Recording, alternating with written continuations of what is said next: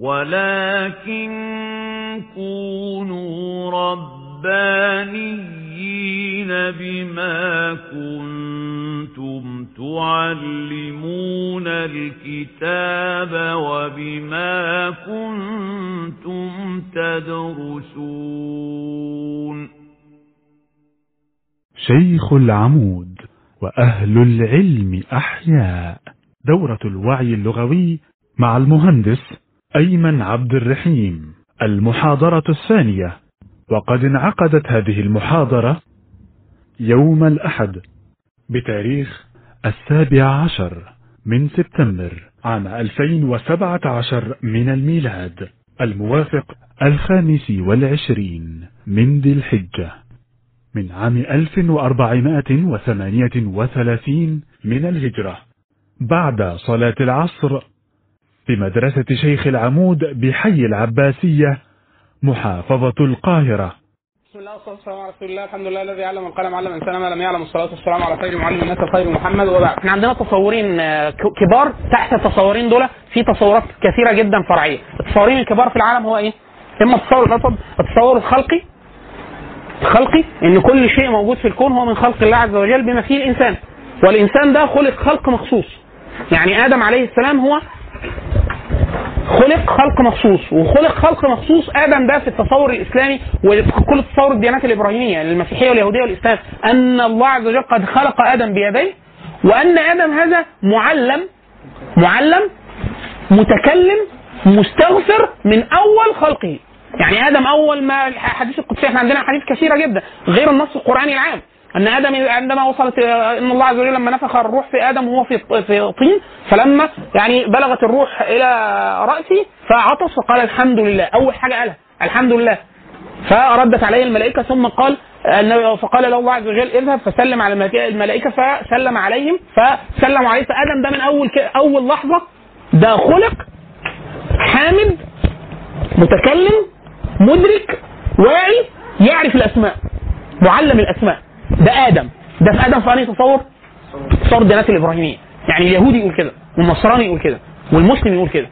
عندنا بعد كده التصور التطوري التصور التطوري ده إما ملحد أو غير ملحد لكن سواء ال- اللي بيتبناه ملحد أو غير ملحد بيقول إيه؟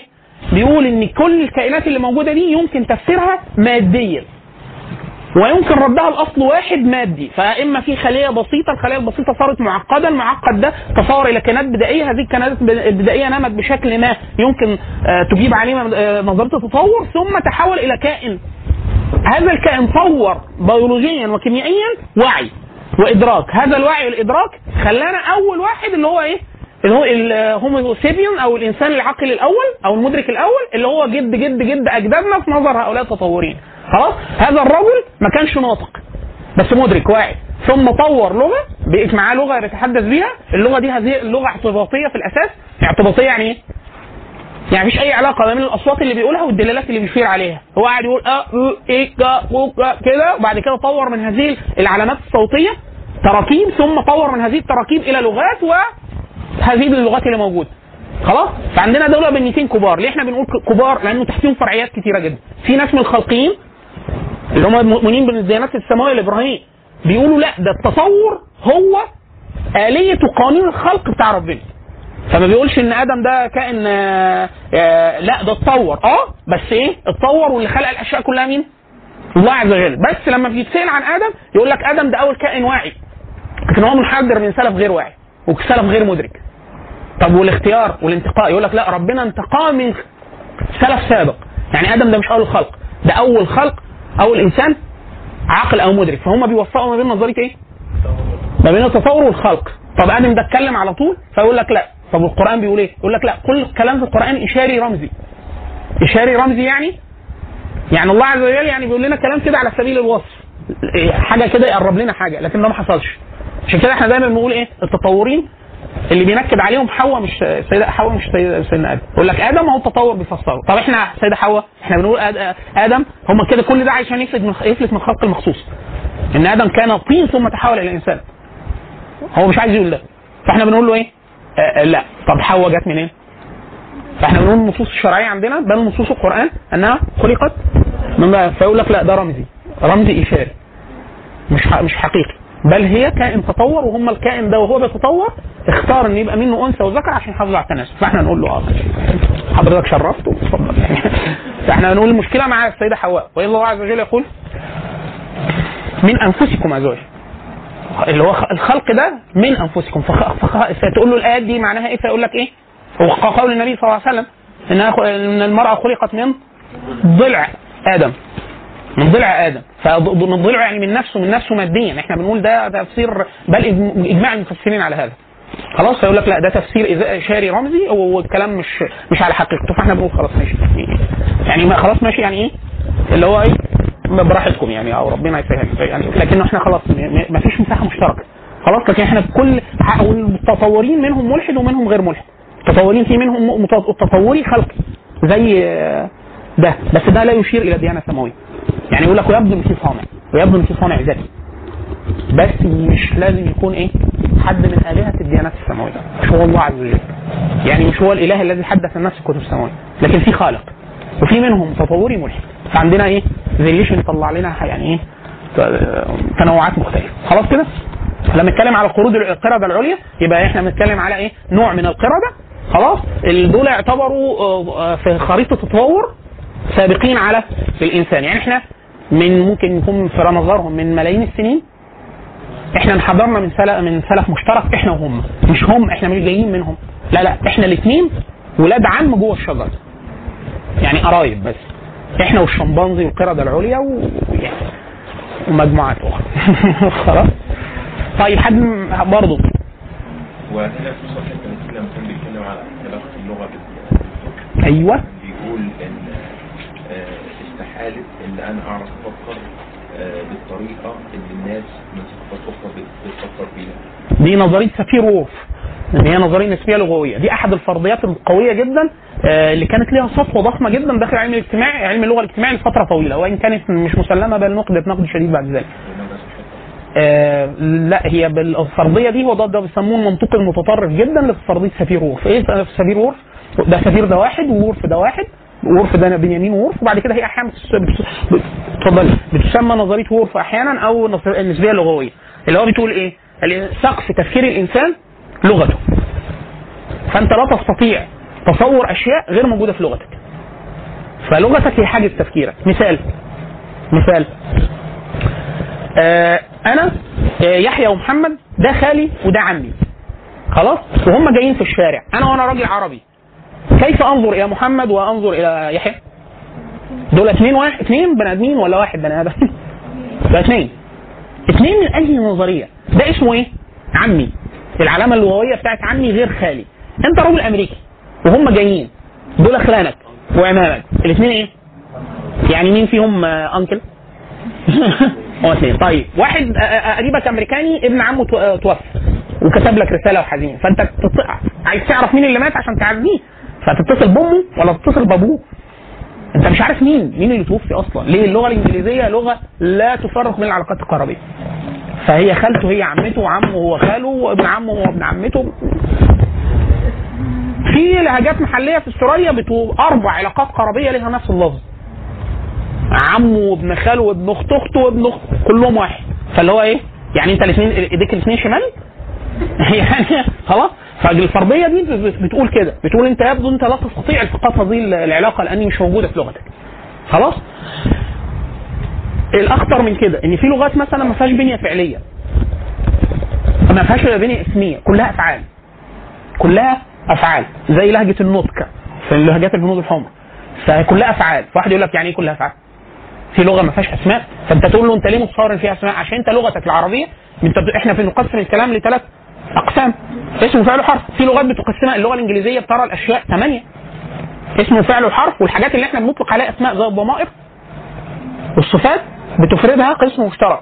والحروف والأدوات بت- بتقسمها إلى عدة آه، أشياء. وحاجات فرعية ما بين ال- الأفعال زي البروناونز زي الأسماء اللي إحنا بنقول أسماء أفعال عندنا وحاجات زي كده آه، بس بتفردها بقسم مشترك. فأنت متصور إن لغتك هي الحكم هي المعيار. اللغة الثانية مش موجودة فيها كده. خلاص؟ أو مثلا أشياء من هذا القبيل المقارنات. فاللغة دي قا- الفرضية دي قعدت فترة آه، سائدة في العالم إن هي إيه؟ الإنسان سقف تصوره للعالم هي إيه؟ النسبية. لكن ده مش صحيح. مش صحيح. في فصل نافع جدا مكتوب في كتاب. الكتاب نفسه هو كله يقرأ. بس أنا همشي على الفصل ده آه، كمستحب مش كواجب لأنه تقيل برضه. الكتاب اسمه عبر منظار اللغة. عبر منظار اللغة. هو بتاع راجل إسرائيلي بس الكتاب فوق الرائع طبعا. جماعة فاضل اليهود دول. ربنا يحرقهم. يعني خلاص كتاب ممتاز جدا. كتاب اسمه عبر منظار اللغة. بتاع لا مش مش فاكر اسمه. هو طبعا عالم المعرفة وما هو مرفوع PDF. في مقال بيتكلم عن نقد نظريه سفير وورف يعني نرفعه هنرفعه مقطوع على المجموعة. بفصل بس. ليه؟ هو بيقول الفرضية لما افترضها سفير وورف ودرسوا 60 70 لهجة من لهجات الهنود الحمر وطلعوا بإجراءات ميدانية ممتازة جدا فعظمت هذه النظرية في الدرس اللساني والانثروبولوجي وغيره وقعدت فترة سائدة وبعد كده لما نقدت نقد شديد جدا نقدوها منين؟ سؤالك اللي هو إيه؟ الكلام مش دقيق لا مش صحيح إحنا بنعبر عن ذات الأشياء بطرق مختلفة فهو إيه الصحيح؟ الصحيح؟ يعني انت مثلا آه، في من الأمثلة اللي بتستخدمها نظريه النسبية اللغوية، إحنا في اللغة العربية ده حائط وقدامه كورة. فأنا اللي عايز أوصف الكورة بالنسبة للحائط فبقول إيه؟ الكورة أمام الحائط. ده بدهي، هل يمكن تتصور حاجة غير كده أنت؟ اللغة لغة الهوسه لغة غرب أفريقيا بيقولوا إيه؟ الكورة خلف الحائط. هي هي المنظر اللي إحنا شايفينه ده فبيقول خلف الحائط فأنت تبقى قاعد اللي هو إيه؟ هي فين؟ فانت بتقول له امام الحائط هو يقول لك خلف الحائط. تخيل أنتوا الاثنين بتدرسوا فلك. وهتوصف. فواحد يقول لك إيه بس ده لا لا لا ده مش مظبوط. اللغة العربية أصلا منطقها منطق عكسي. يعني إيه؟ إحنا بنقول اللي إيه؟ إحنا مش بنقول أمام بس ده إحنا بنقول الاثنين يعني واحد اللي هو بيسموه مبحث الأضداد. الأضداد ده موجود في كل اللغات وهو موجود شكله في العربية. اللي هو إحنا بنقول إيه في العربية؟ قول الله عز وجل في القرآن وكان وراءهم ما آه، وكان وراءهم ملك يأخذ كل سفينة غصبا. الملك ده كان وراءهم يعني إيه وراءهم؟ أمامهم. لما يقول لك لما واحد تقول له إيه دونك أو وراءك. وراءك يعني إيه؟ وراءك أو أمامك.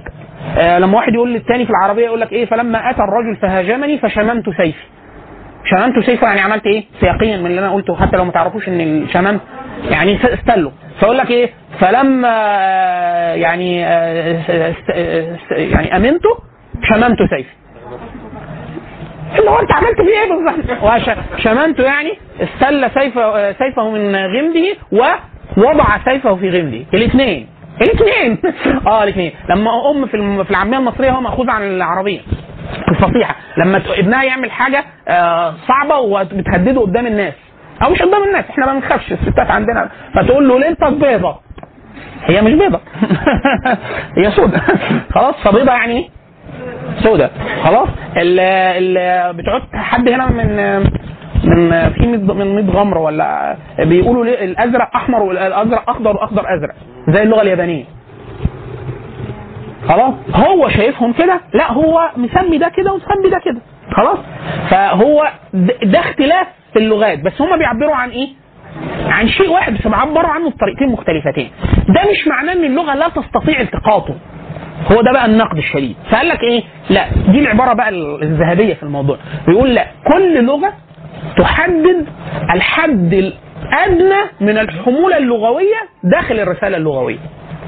كل لغة بتحدد الحد الأدنى الحد الأدنى من المعلومات يعني اللغوية داخل كل رسالة لغوية. يعني أنا في العربي يكفي فقط إن أنا أجيب اسمين في جملة أتم بيهم معنى مسند ومسند إليه. أقول إيه؟ خالد مسافر هذا المعنى بهذه الطريقة لا يمكن تأديته لا يمكن تاديته في بعض اللغات.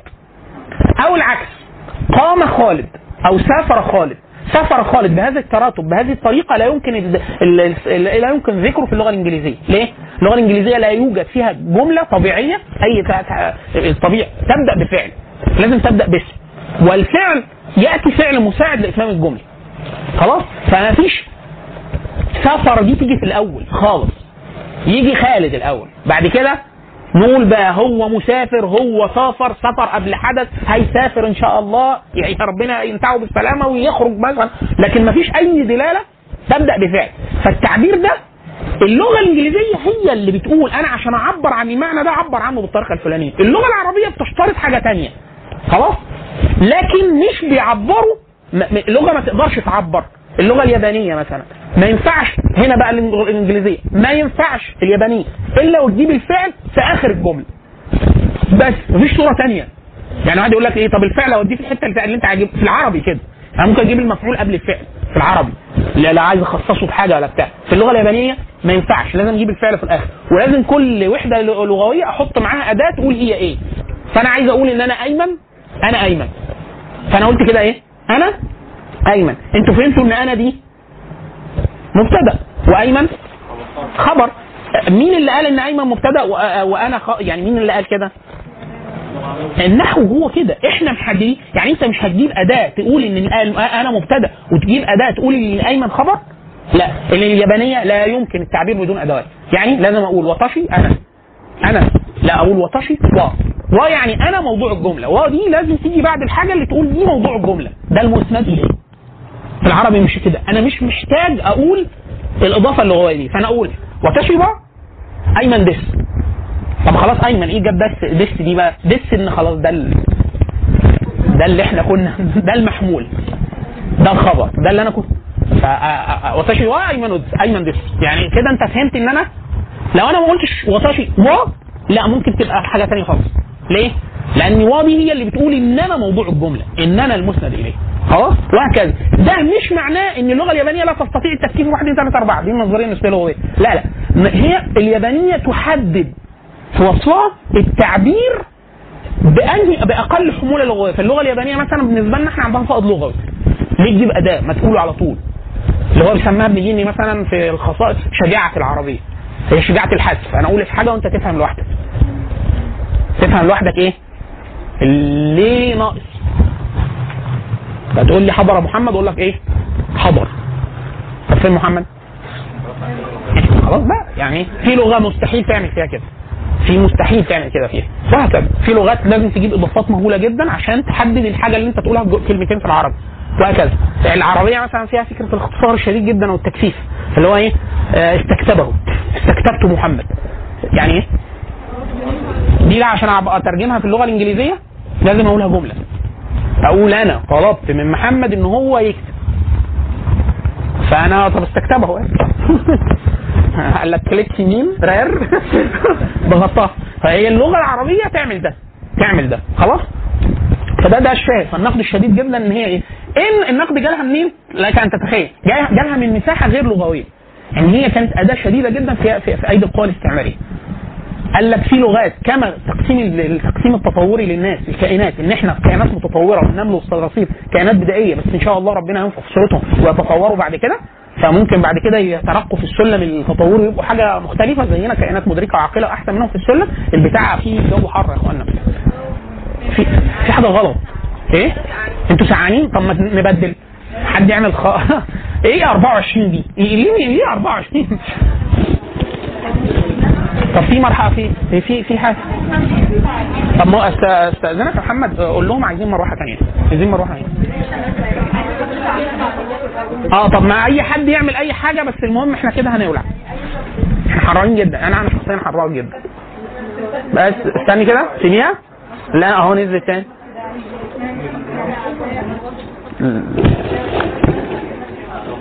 لا يجي حد برضه.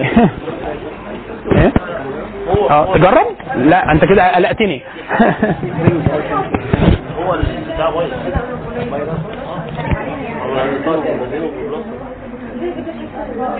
بايظ أيوه وحد ممكن ينزل لنا برضو درجة الحرارة شوية. إيه؟ المهم يعملوا أي حاجة عشان مين اللي يعني التكييف التاني شغال ولا مش شغال؟ لا الجو حر. ماشي. برضه حر. خلاص طيب ماشي. آه، ممكن نحط الفيشة؟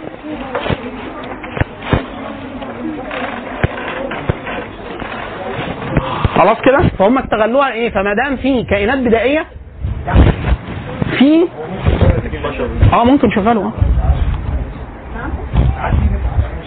هيشغلوا إزاي؟ ممكن حد يشغله منهم ولا؟ في الأخت الأخيرة آخر واحدة ممكن نشوف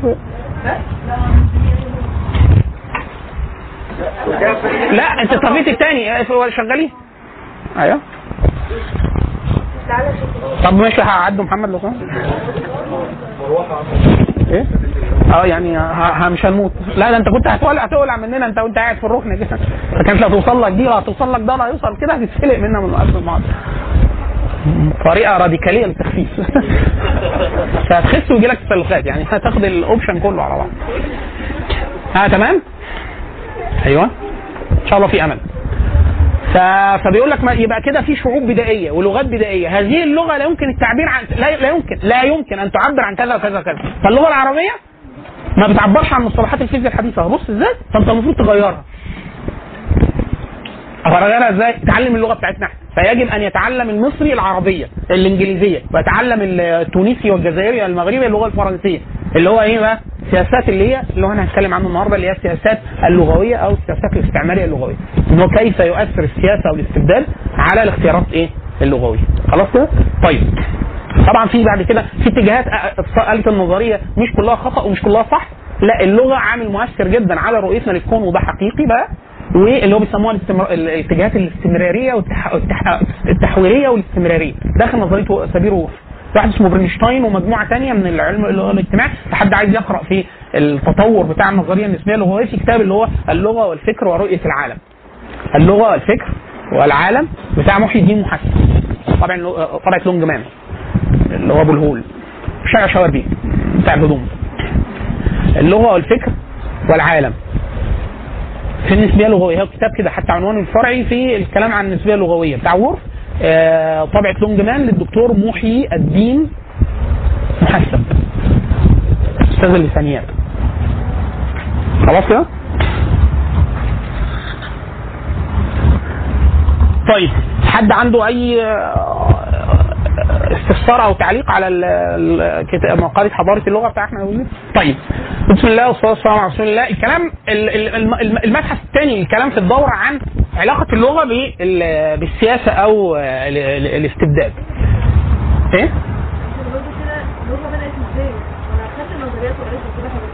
آه لو إحنا إحنا بقى من وجهة نظرنا كمسلمين آه، إحنا عندنا داخل داخل المسلمين. عندهم في اتجاهين. الاتجاهين دول يتفرع عنهم اتجاهات فرعية بس دول الأساسيين. كل الناس بتقر بخلق آدم. بخلق آدم. وإن آدم معلم. معلم إيه؟ هو ده الخلاف. ففي ناس بتقول الله عز وجل علمه الأسماء. فعلمه اللغة. فاللغة توقيفية. توقيفية يعني معلمة من قبل الخالق لآدم مباشرة. فكما ينقل عن سيدنا عبد الله بن عباس في التفسير أنه علمه إيه الأسماء فعلم آدم الأسماء كلها. يعني إيه علمه الأسماء كلها؟ يعني قال هذه الشجره وهذه النخله وهذا البحر وهكذا. فالله عز وجل علمه المفاهيم والدلاله والاسماء الأشياء. وده تفاضل بني آدم على إلى الملائكة. خلاص؟ في ناس تانية بتقول لا أعطاه الملكة. ملكة تعلم الأشياء. فيستطيع اللي بيسموها القدرة التصنيفية أو قدرة على التسمية. فأنا وحضرتك لما بنشوف حاجة بنشوف حاجة. ما تكونش ليها اسم الأول. إحنا بعد ما بعد كده بن- بنطلق عليها اسم. الاسم ده ليه طريقة. ف ففي نظرية بتقول اللغة توقيفية. لأنه الإنسان معلم. آدم معلم. وفي لغة ب... في ناس بتقول لا ده هو اكتسب الملكة واللغة تواضعية. اللي هي نظرية الوضع. اللي هو إيه؟ يعني الناس تصالحت أو تواضعت على إن إحنا الأول كان بنقول أصوات برضه وبعد الأصوات دي الأصوات دي اعتباطية والأصوات دي بعد ما هي اعتباطية بقينا نسمي حاجة كذا. قلنا بحر. بحر دي ملهاش أي معنى ملهاش أي دلالة عند أصحاب هذه النظرية. وسمينا الكلب كلب والقطة قطة وبتاع ثم تكونت اللغات ثم آه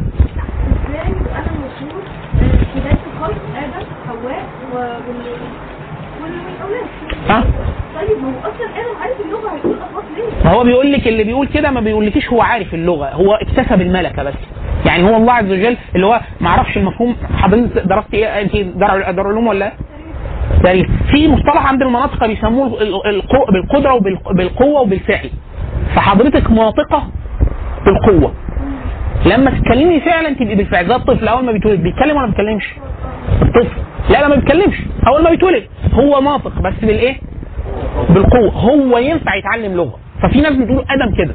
في ناس بيقولوا لا آدم اتكلم اتكلم صراحة مباشرة وعارف أسماء الاشياء عارف إن دي شجره وضبح وعلمه لاولادهم فعنده الملكة وعنده أسماء الأشياء فاللغة توقيفية فاللغة مش اعتباطية.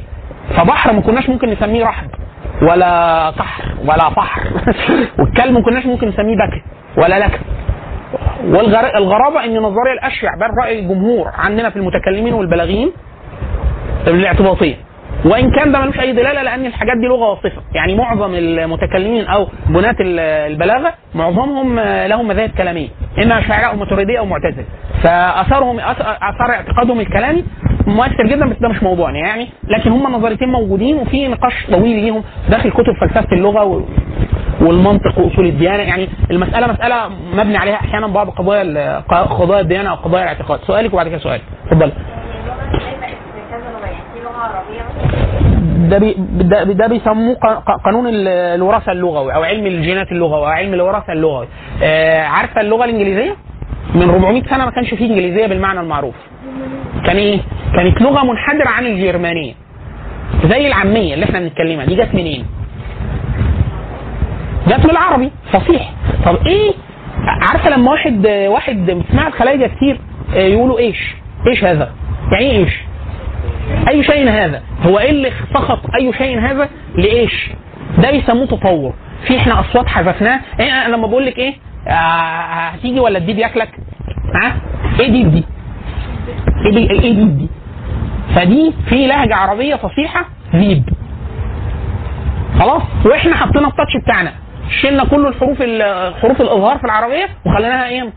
كل حرف وديناه لأخوه اللي ما فيهوش تطليع لسان. إيه؟ شلنا النقط لا مش ماشي آه. فمثلا ظهر بنقول ظهر. وبنقول ديب. وبنقول ثعلب. ثعلب فات. فنشيل الثاء ونحط تاء وهكذا. يقول لك إيه؟ ده. أي حاجة ده. إيه ده دي؟ إحنا عندنا ذا وذه. بس في العربية. ونحط لها تنبيه. اللي هي هذا وهذه. خلاص؟ وبعد كده بنسمي منها وبنجمع حاجات زي كده. فبنقول لك هذا اللي هو ذا. بقت إيه؟ ده. واللي هي بقت طبعا إحنا هنقول ده ليه ده؟ ده كتيرة كده. ده. يقول لك ده كذا. ده اللي العاميه المصرية. وإلا لو في عاميات أخرى تلاقيها إيه؟ آه مثلا إحنا كل قاف في العربية آه شلفطناها وخليناها همزه ما عدا القرآن. بنقوله كاف أو قاف من إلى الكاف. قرآن. قرآن. خلاص؟ اللبنانيين جبابرة. يعني إحنا ما بنقولش أرقام. ما فيش حد في مصر بيقول أرقام. اللبنانيين بيقولوا أرقام. يقول لك يأتينا الارقام بتاعت التليفونات اللي هي ايقاف اتشحورت بس اللبنانيين متهوتين زيادة عن اللزوم يعني إيه؟ فاللغة بهوأت قوي منهم طريت قوي معاهم. خلاص؟ الصعايدة بينظروا نفس النظرة للقاهريين. اللي هو ما تسترجل كده وتتكلم زي الناس. بس طبعا هو إيه؟ هو بيراها إن هي لغة لينة أو نسوية بس هي لغة أعلى في الطبقة الاجتماعية. فالقاهري ده حاجة في علم اللغة الاجتماعي. هو بيرى نفسه بمجرد نطقه باللهجة المصرية ده حتى المصريين بالنسبة غيرهم. يعني أي مغني أو مغنية لو عايز يشتهر في العالم الإسلامي العربي بيغني باللهجة المصرية المحكية اللي هي القاهرية. إيه السبب؟ ده حاجة طبقية حاجة متعلقة بالفلوس والمكسب وبتاع. وفي نفس الوقت إحساس إن هو أكثر تحضرا وبتاع. عشان كده لو حد من الأرياف أو الأقاليم لما يحب متفسحه في المجالس اللي حاطط الشنطة ممكن يشيلها ويقعد حد. في حد والله؟ مختفي؟ خلاص. ف فهو ممكن لو عايز يشعر نفسه أو يشعر المتحدث بان هو أكثر تحضرا مثلا ممكن زي ما إحنا بنعمل كده في الإنجليزي. أحيانا في اصطلاحات معينة بنقولها بالإنجليزية للدلالة إما على خلفية علمية أو على مستوى تعليمي أو مستوى طبقي مستوى تعليمي معين خلاص؟ أحيانا بنعمل كده إما تصنعا أو يعني إما تكلفا أو حقيقة يعني.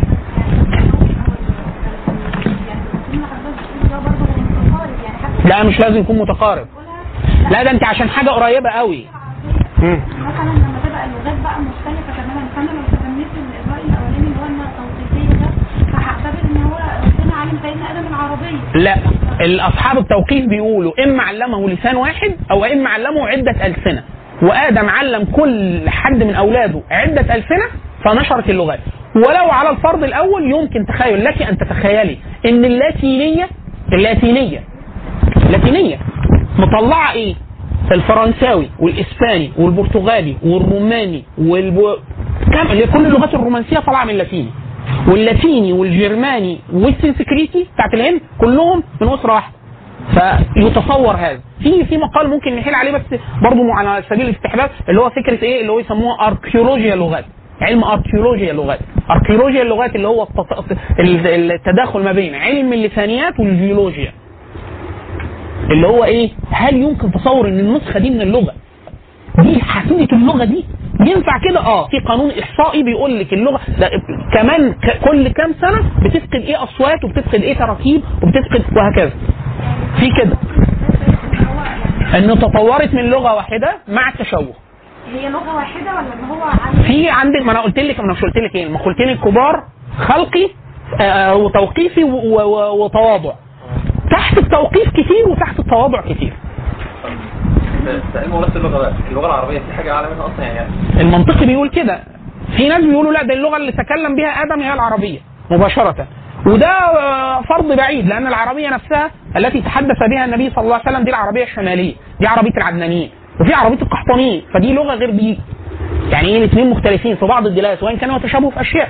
فالأرامية الأرامية والاكاديه والاوجرتيه والفرعونية القديمة والقحطانية كل ده أسرة واحدة. كل دول أسرة. يعني لو حد شاف أي في كتاب مشهور جدا اسمه فقه اللغات السامية بتاع بتاع بروكلمان مستشرق هو ألماني بس كان تنين مجنح. اسمه فقه اللغات السامية. بيقارن بين العربية والأكادية والأرامية وال- ما عدا الاوجرتيه لأنه كان لم يكتشف أي حفريات وهو عايش. الكتاب قديم لغاية 1921 1929 ولا حاجة. بس هو كان أعطى هذه المحاضرات آه، وترجمت ترجمها الدكتور رمضان عبد التواب. فكل اللغات يعني الأكادية والأرامية والسوريانية والأمهرية وما عدا الأوجرتية هو الأوجرتية ال- أحد اللغ... أحد ال- الأسرة. تسألي على حاجة؟ بتاع بروكلمان ترجمة الدكتور رمضان عبد التواب لحظة إحنا إيه نوقف بحيث ننطلق الأول في الجزء بتاعنا وبعد كده لو في أسئلة تانية ناخدها بس أنا كده يعني إيه الناس بس آه، آه، آه، إحنا كنا بنطمن بس إن هو قروا الحاجة ولو عندهم استشكالات نبقى جاوبنا على جزء منها. طيب ال- ال- الجانب الثاني من التناول اللي إحنا عايزين في حاجة؟ ها؟ يعني هو الأصل لغه وتطلع منها لغات من ضمنها العربيه الفصحى أصلا ان في لغة بيسموها الساميه الأم. الساميه الأم إن هي فيها لغة اللغة العربية دي من بناتها؟ اللغة اللي نزل بها القرآن مش العربية العربية الشمالية اللي هي لهجة النبي صلى الله عليه وسلم وقومه القرشيين لكن آه، ال- ال- ال- اللهجات الثانية في لهجات ثانية من العربي. بدلالات مختلفة شوية عن اللهجة عشان كده إحنا إيه ان ال- المهم جدا كانوا في فقه اللغة فقه اللغة وهم بيدونوا اللغة يقول لك دي لهجة هذيل ودي لهجة مضر ودي لهجة ربيعة ودي لهجة ودي لهجة بنو أسد ودي لازم نعرف دي لهجة مين. عشان الدلالات على لسان النبي صلى الله عليه وسلم وقومه. مين؟ آدم. هو مبثوث في كتب الكلام أحيانا والعقائد والسير القديمة إن هو بيتكلم عربي بس اني عربي. اني عربي فهيبقى في في يعني إيه آه في حاجة اسمها عربية النقوش أو العربية القديمة. يعني إن هو إيه إحنا عندنا صور من العربية القديمة قبل النصوص قبل الإسلام ب 4000 سنة. مختلف قطعا. لأن اللغة يا إخوانا اللغة اللغة عشان كده إحنا مصطلح لغة ملبس. بل هو مصطلح مش قرآني أصلا. إحنا نعرف كلمة لسان. لسان يعني لسان حي يعني ناس بتتكلمه. فالقرآن نزل بلسان النبي صلى الله عليه وسلم وقومه. يعني إيه لسانهم؟ يعني الدلالات اللي كان بيتكلموا هم بيها دلوقتي مش اللي قبلهم ومش اللي بعدهم. خلاص؟ فاللي بعدهم مش هم واللي قبلهم مش هم. وإن كانوا كلهم يشتركوا في إيه؟ فأصل الانتماء إن التراكيب والدلالة والأوزان شبه بعض.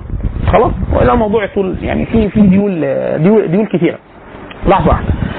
آه الأمم ده في الغالب لما بتتعرض إحنا في بتتعرض تتعرض لتحديات كثيرة جدا في تاريخها. في أحيانا بتتعرض لتحدي عسكري. زي مثلا الغزو المغولي. المغول مثلا هاجموا تقريبا كل الحضارات اللي موجودة في وقتهم. كل الحضارات. خلاص؟ فمثلا اقتحموا الصين وخربوا لهم الدنيا اقتحموا معظم الممالك الشرقية عند المسلمين هاجموا اليابان مرتين.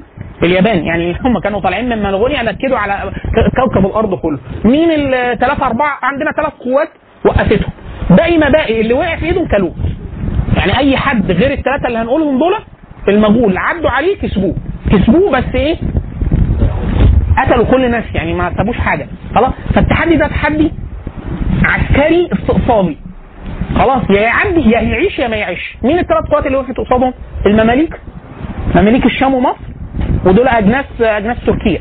يعني هم أجناس من بلاد ما وراء النهر. يعني هم مش انتمائهم مش للمنطقة أصلا. ده عنصر عنصر عنصر مقاتل. والجماعة بتوعت آه، آه، مين اللي كسبوا أمريكا؟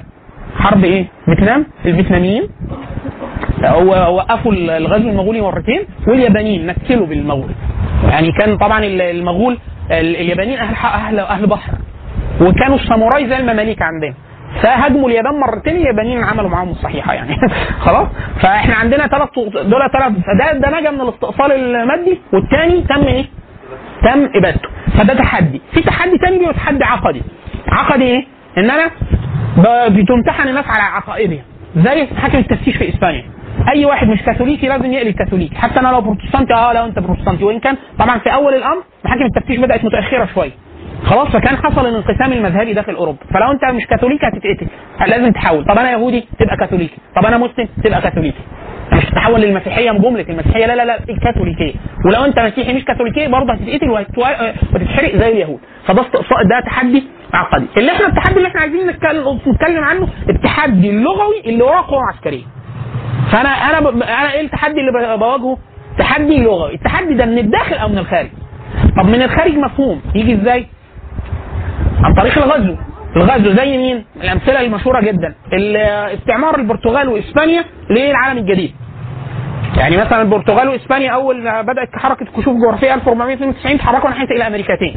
عرضوا على الناس إيه؟ دخول الكاثوليكيه وعرضوا عليهم اللغة فحتى لما دخل أجبروا الناس بعد كده عشان كده حتى أمريكا اللاتينية حتى الآن كلها بتتكلم إسباني والبرازيل بتتكلم برتغالي مفيش خلاص.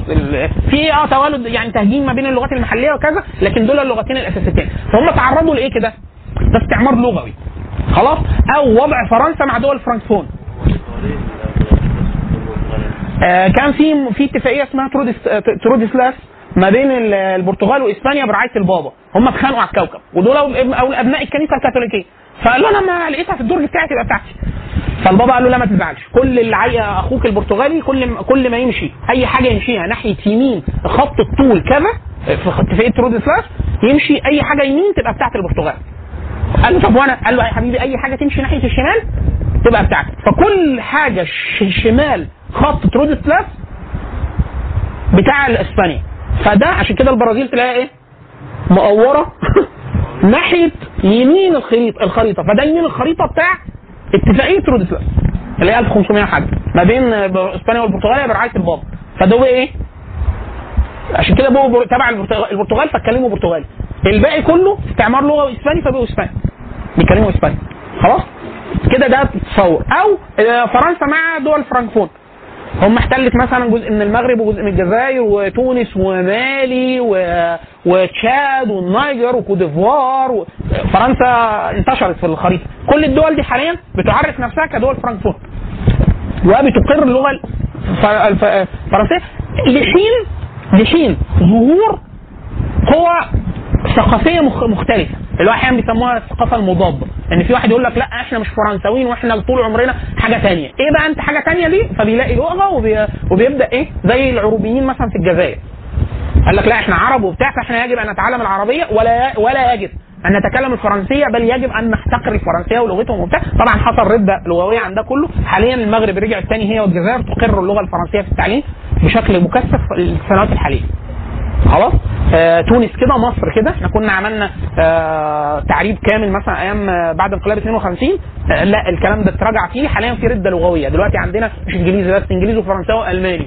وفي مدارس ياباني داخلة كمان. فيعني إيه؟ إحنا بالصلاه على النبي إحنا بنتكلم أي لسان إلا لسان القرآن. يعني إيه؟ خلاص؟ فده ده ده صورة من صور الإيه؟ الاستعمار اللغوي. عشان كده أحد الناس ده إحنا كل قسم بنتكلم بلغة أهل القوم أهل الفن. جماعة بتوع السياسة أحيانا وهم بيعرفوا الدولة الدولة الدولة القومية الحديثة بيعرفوها إزاي تعريف الدولة هي لغة قومية في حماية قوى مسلحة ده تعريف سياسي للو- لل- تعريف لغوي للدولة أو تعريف سياسي للغة هي إيه الدولة القانونيه الحديثة؟ بتوع علم السياسة لما تسأله في السياسة أو قانون دولي تقول له هي إيه الدولة؟ يقول لك إقليم وشعب و... وسيادة. لا لا تعريف لغوي هي لغة قومية في حماية قوى مسلحة. طب إيه اللي ممكن إيه اللي اللي يقول كده؟ عشان كده ما من دولة إلا ولها نص قانوني على لغة الدولة. لغة أو لغتين أو ثلاثة. في دول بتنص على لغة واحدة زي مصر اللغة العربية. وطبعا ما بنطبقوش بس إحنا بن- بننص برضه يعني. خلاص؟ ده لا لا ده لا معنى إن إحنا ننص. وفي لغات ب...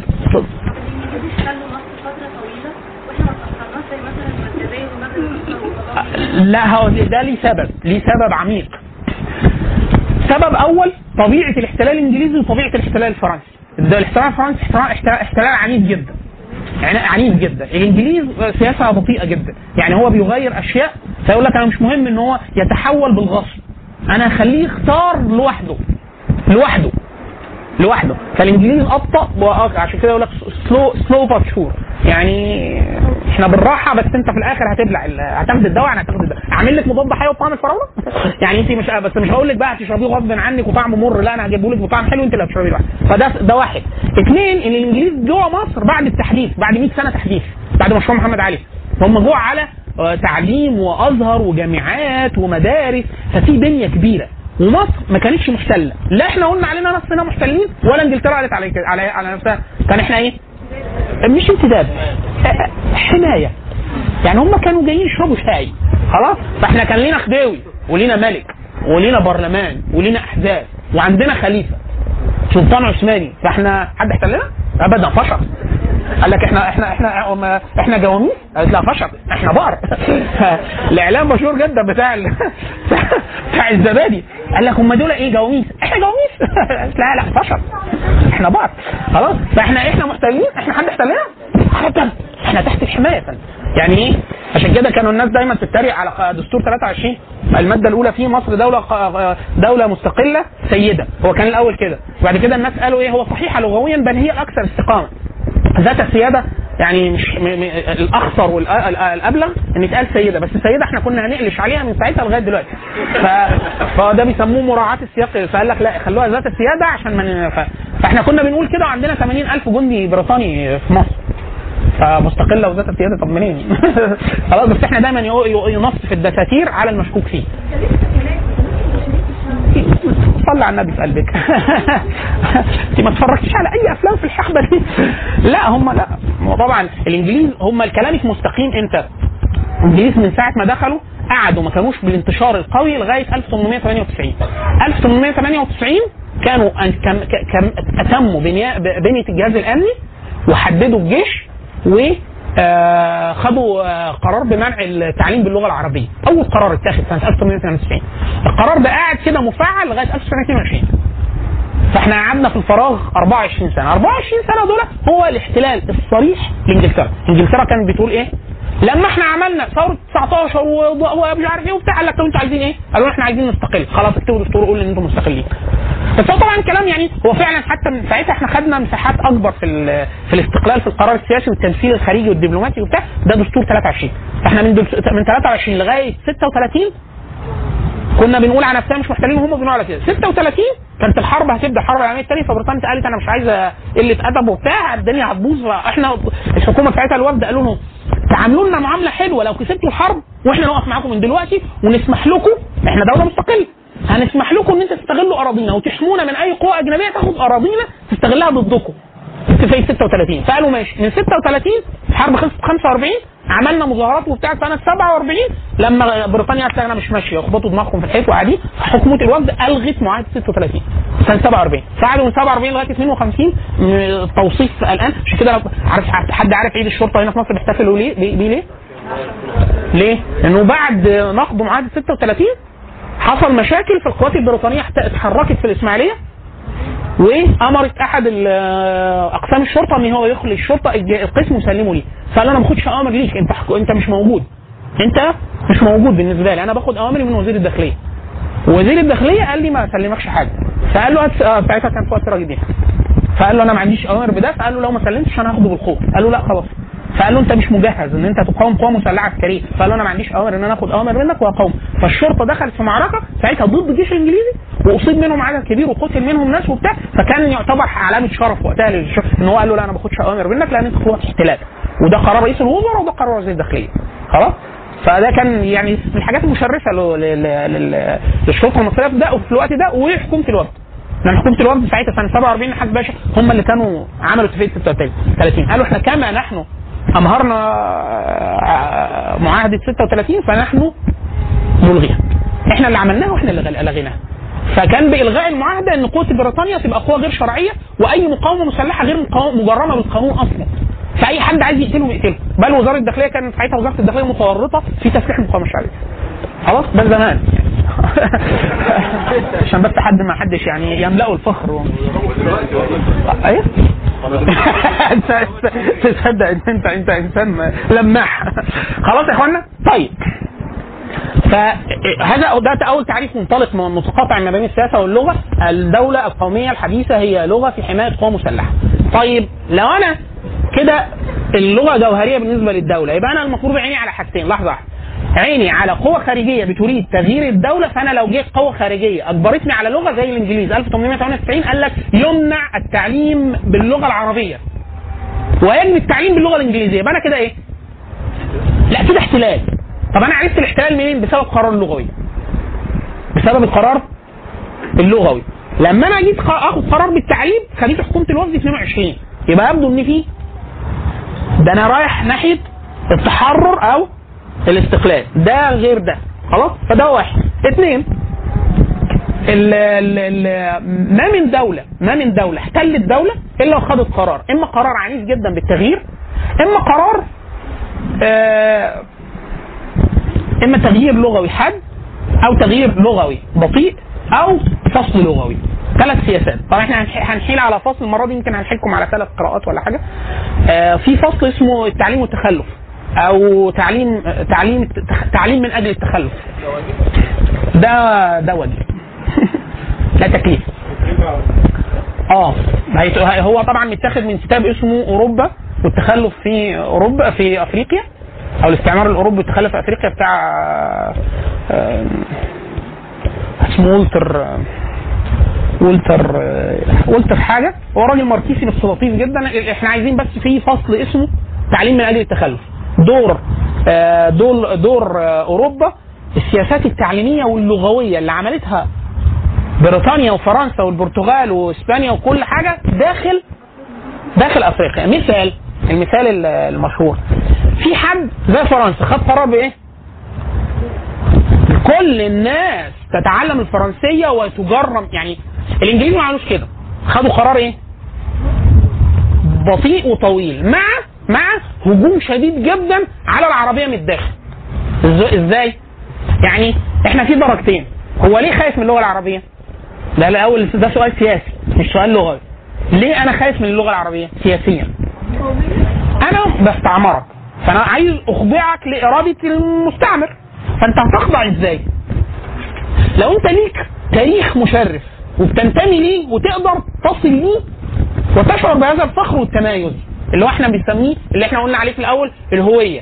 فأنت عندك طريق معبد لتحديد هوية منفصل عن المستعمر طب ما نقطع الطريق ده.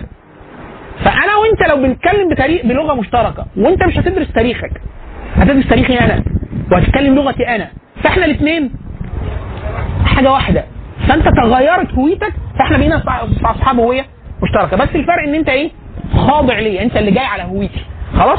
فالقرار السياسي لو انت فضلت لغة عربية يعني انت بتقرأ القران يعني بتقرأ السنة يعني بتقرأ فقه يعني بتقرأ خالد بن الوليد يعني بتقرأ أحكام الفقه ومجاهده الكفار يعني لا إحنا كده مش مش هنتفق يا عمي. يعني فاحنا عايزين نلغي ده. فاللغة دي يجب يجب أن يتم تغييرها. طب لو انت بعقلك بعقلك مش هتغير له تغيرها ليه؟ طب كيف يمكن قطع الصلة بينك وبين هذا التراث؟ أنا عايزك مسلم بس ما تعرفش تقرأ القرآن. ولو قريته ما تفهمش. ما أنا مش هعرف احولك عن دينك مباشرة. طب أنا اعمل إيه؟ خلاص الدعوة إلى العاميات. الدعوة إلى العاميات. عشان كده الكتاب اللي هو يعتبر الكلمة مشهورة ممكن الناس تستغربها اللي هو يقول لك إيه؟ قرآن كذا. يعني يقول لك إيه؟ قرآن النحو. سيبويه قرآن الهيدروليك كتاب كذا كذا كذا. قرآن الإحصاء. كلمة قرآن لو اتقالت كده في السياق ده يعني معنى كتاب الأصل والأم الجامع لمسائل هذا الشيء. فهي أصلا القرآن جاي من معنى الجمع في العربية. خلاص؟ فقران الباب في في الكتاب اللي هو آه، تاريخ الدعوة إلى العامية بتاع الدكتورة نفوس الزكريا. تاريخ الدعوة إلى العامية في مصر. للدكتوره ده- نفوس الزكريا. هذا الكتاب يعني يكفي أن الأستاذ محمود شاكر وهو بيقدم هذا الكتاب قال أنا عزمت على تجميع مادة في هذا الباب. الاستاذ محمود شاكر. تتبع اثر الاستعمار على التحول من العربية الفصحى ولغة القرآن إلى العاميات، العاميات المبتذلة، يعني العامية المصرية والعامية الليبي- الليبية والعامية الشامية وبتاع، قال ثم وقع تحت عيني أو تحت يدي هذا الكتاب فعلمت يعني علمت أن هذا الجهد جهد ضائع. الجهد اللي هو أستاذ محمود شاكر فبقول هذا الكتاب جامع تام لكل المادة اللي أنا كنت عايزها وزيادة. أستاذة نفوسه زكريا من هي اداب آداب كليه آداب الإسكندرية والكتاب مطبوعات مكتبه الآداب. تاريخ الدعوة إلى العاميه الإنجليز عملوا بقى جهد غير عادي في إحياء اللغات المحلية. انهي لغة محلية؟ واحد العامية. أنتوا عارفين كمصريين ليه متخلفين في العلوم الطبيعية؟ عشان أنتوا بتدرسوها بغير اللغة اللي بتتكلموا بيها. اكتب باللغة اللي انت. فاكتب فيزياء بالعامية. اكتب طب بالعامية. ليه مش مش ده مش بيقول لك روح للإنجليزي. لا ده روح لإيه؟ لعاميه فين الخطورتين؟ الخطوره الاولى فصلك عن تراثك. فانت هتتعلم باللغة العاميه المبتذله فاللغة العاميه دي ملهاش شعر. ملهاش ادب. وملهاش تراث.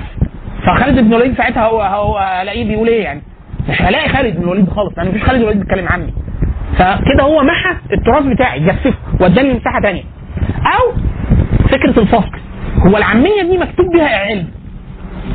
مكتوب بها علم فما فيش علم مكتوب بالعامية. فأنا كده فصلتك من ناحيتين. فصلتك من الناحية العلمية فأنت تقول يا ده إحنا قدامنا آلاف آلاف السنين عشان نوصل للمدون باللغة الإنجليزية. لأن أنت بتقارن بين العامية المبتذلة اللي هي عمرها ما فيش كام سنة والإنجليزية. لو أنا واحد يقول لك طب ما العربية الفصحى مش هتفرق؟ لا ابدا. العربية الفصحى لما أجي أقارن ألاقي لغاية 1700 ما فيش علم في العالم مكتوب إلا باللغة العربية الفصحى. بل ما فيش مدونة طبية موجودة في أوروبا إلا عربية صريحة أو عربية مترجمة للاتينية. ما فيش عالم لغاية طبقة نيوتن وغيره إلا ما كان من شروط إتقانهم للعلوم إن هو بيدرس لاتيني وعربي. روجر بيكون آه، نيوتن وبتاع كل ده كان متقن للغة العربية. مفيش حد. روجر بيكون له كلمة يقول لك لا يمكن أن يدعي أحد المامه بأي علم من العلوم وهو لا يتقن العربية. روجر بيكون ده يعني إحنا بنتكلم في 1000 في آه، 1500 1600 فإحنا ده كانت اللغة العربية. لغاية 1800 1900 كل العلوم في العالم العربي الاسلامي المحترمة الطبية نفس مستوى أوروبا مكتوبة بالعربي بسبب إن التحديث بتاع محمد علي. فإحنا مثلا طلبة الطب في مصر لغاية أولاد محمد علي لغاية آخر 1900 آخر 1900 كانوا بي... اللي بيدرس في فرنسا هو اللي بيدرسوا هنا بس بيدرسوا بالعربية. لأنه كان شرط من شروط الحصول على المؤهل الطبي طبي. ترجمة كتاب في الفن بالعربية أو كتابة كتاب ابتداء بالعربية. خلاص؟ فكانوا الاثنين. الطب لغاية في لغاية مصر في مصر لغاية 1940 كان بيعلم باللغة العربية. الطب. خلاص؟ في كتاب لو حد مهتم بتاريخ الطب نفسه في كتاب في مقال طويل. تعتبر دراسة. اسمه دفاعا عن تعليم الطب باللغة العربية للدكتور زهير السباعي. هو طبيب. درس الطب هنا في مصر ودرس الطب بالعربية لمدة 30 سنة في السعودية وبعض الدول. وليه مقال ليه دراسة طويلة. إيه؟ لا لا لا ده مقال اللي أنا بقول عليه دراسة.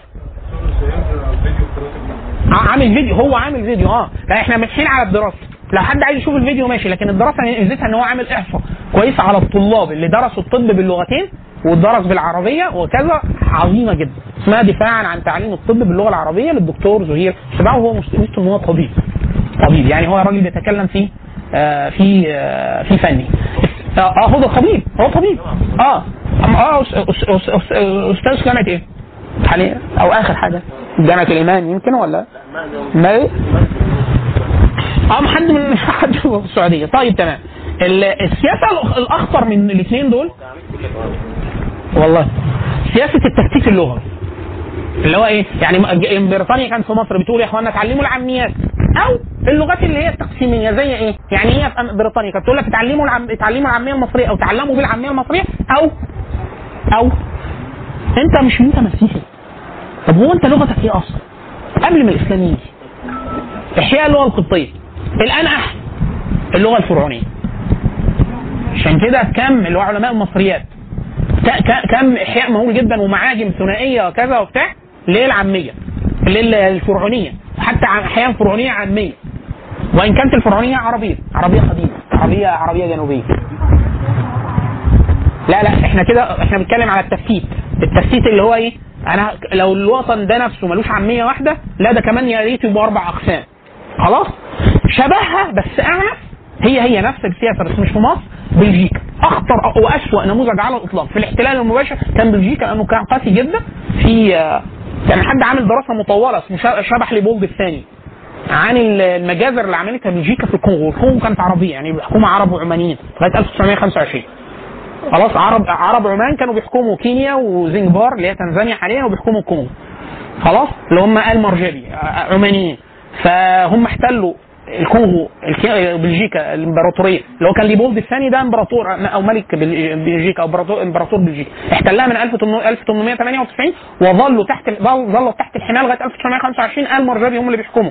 بس تحت الحماية. برضه كانوا آه، عازمينهم على شيء آه، هناك. بعد 1950 بلجيكا قالوا لهم لا خلاص مفيش حماية بتاع يلا روح على بتاع وإحنا إحنا بنحكمها حكم مباشر من 1520 فالعرب ظلوا بيحكموا آه، كونغو لغاية 1925 حد عايز يقرأ حاجة كده عربا اسمه في كتاب لطيف عامله ضابط بريطاني كان بيحارب في جيش بلجيكا اسمه سقوط عرب الكونغو.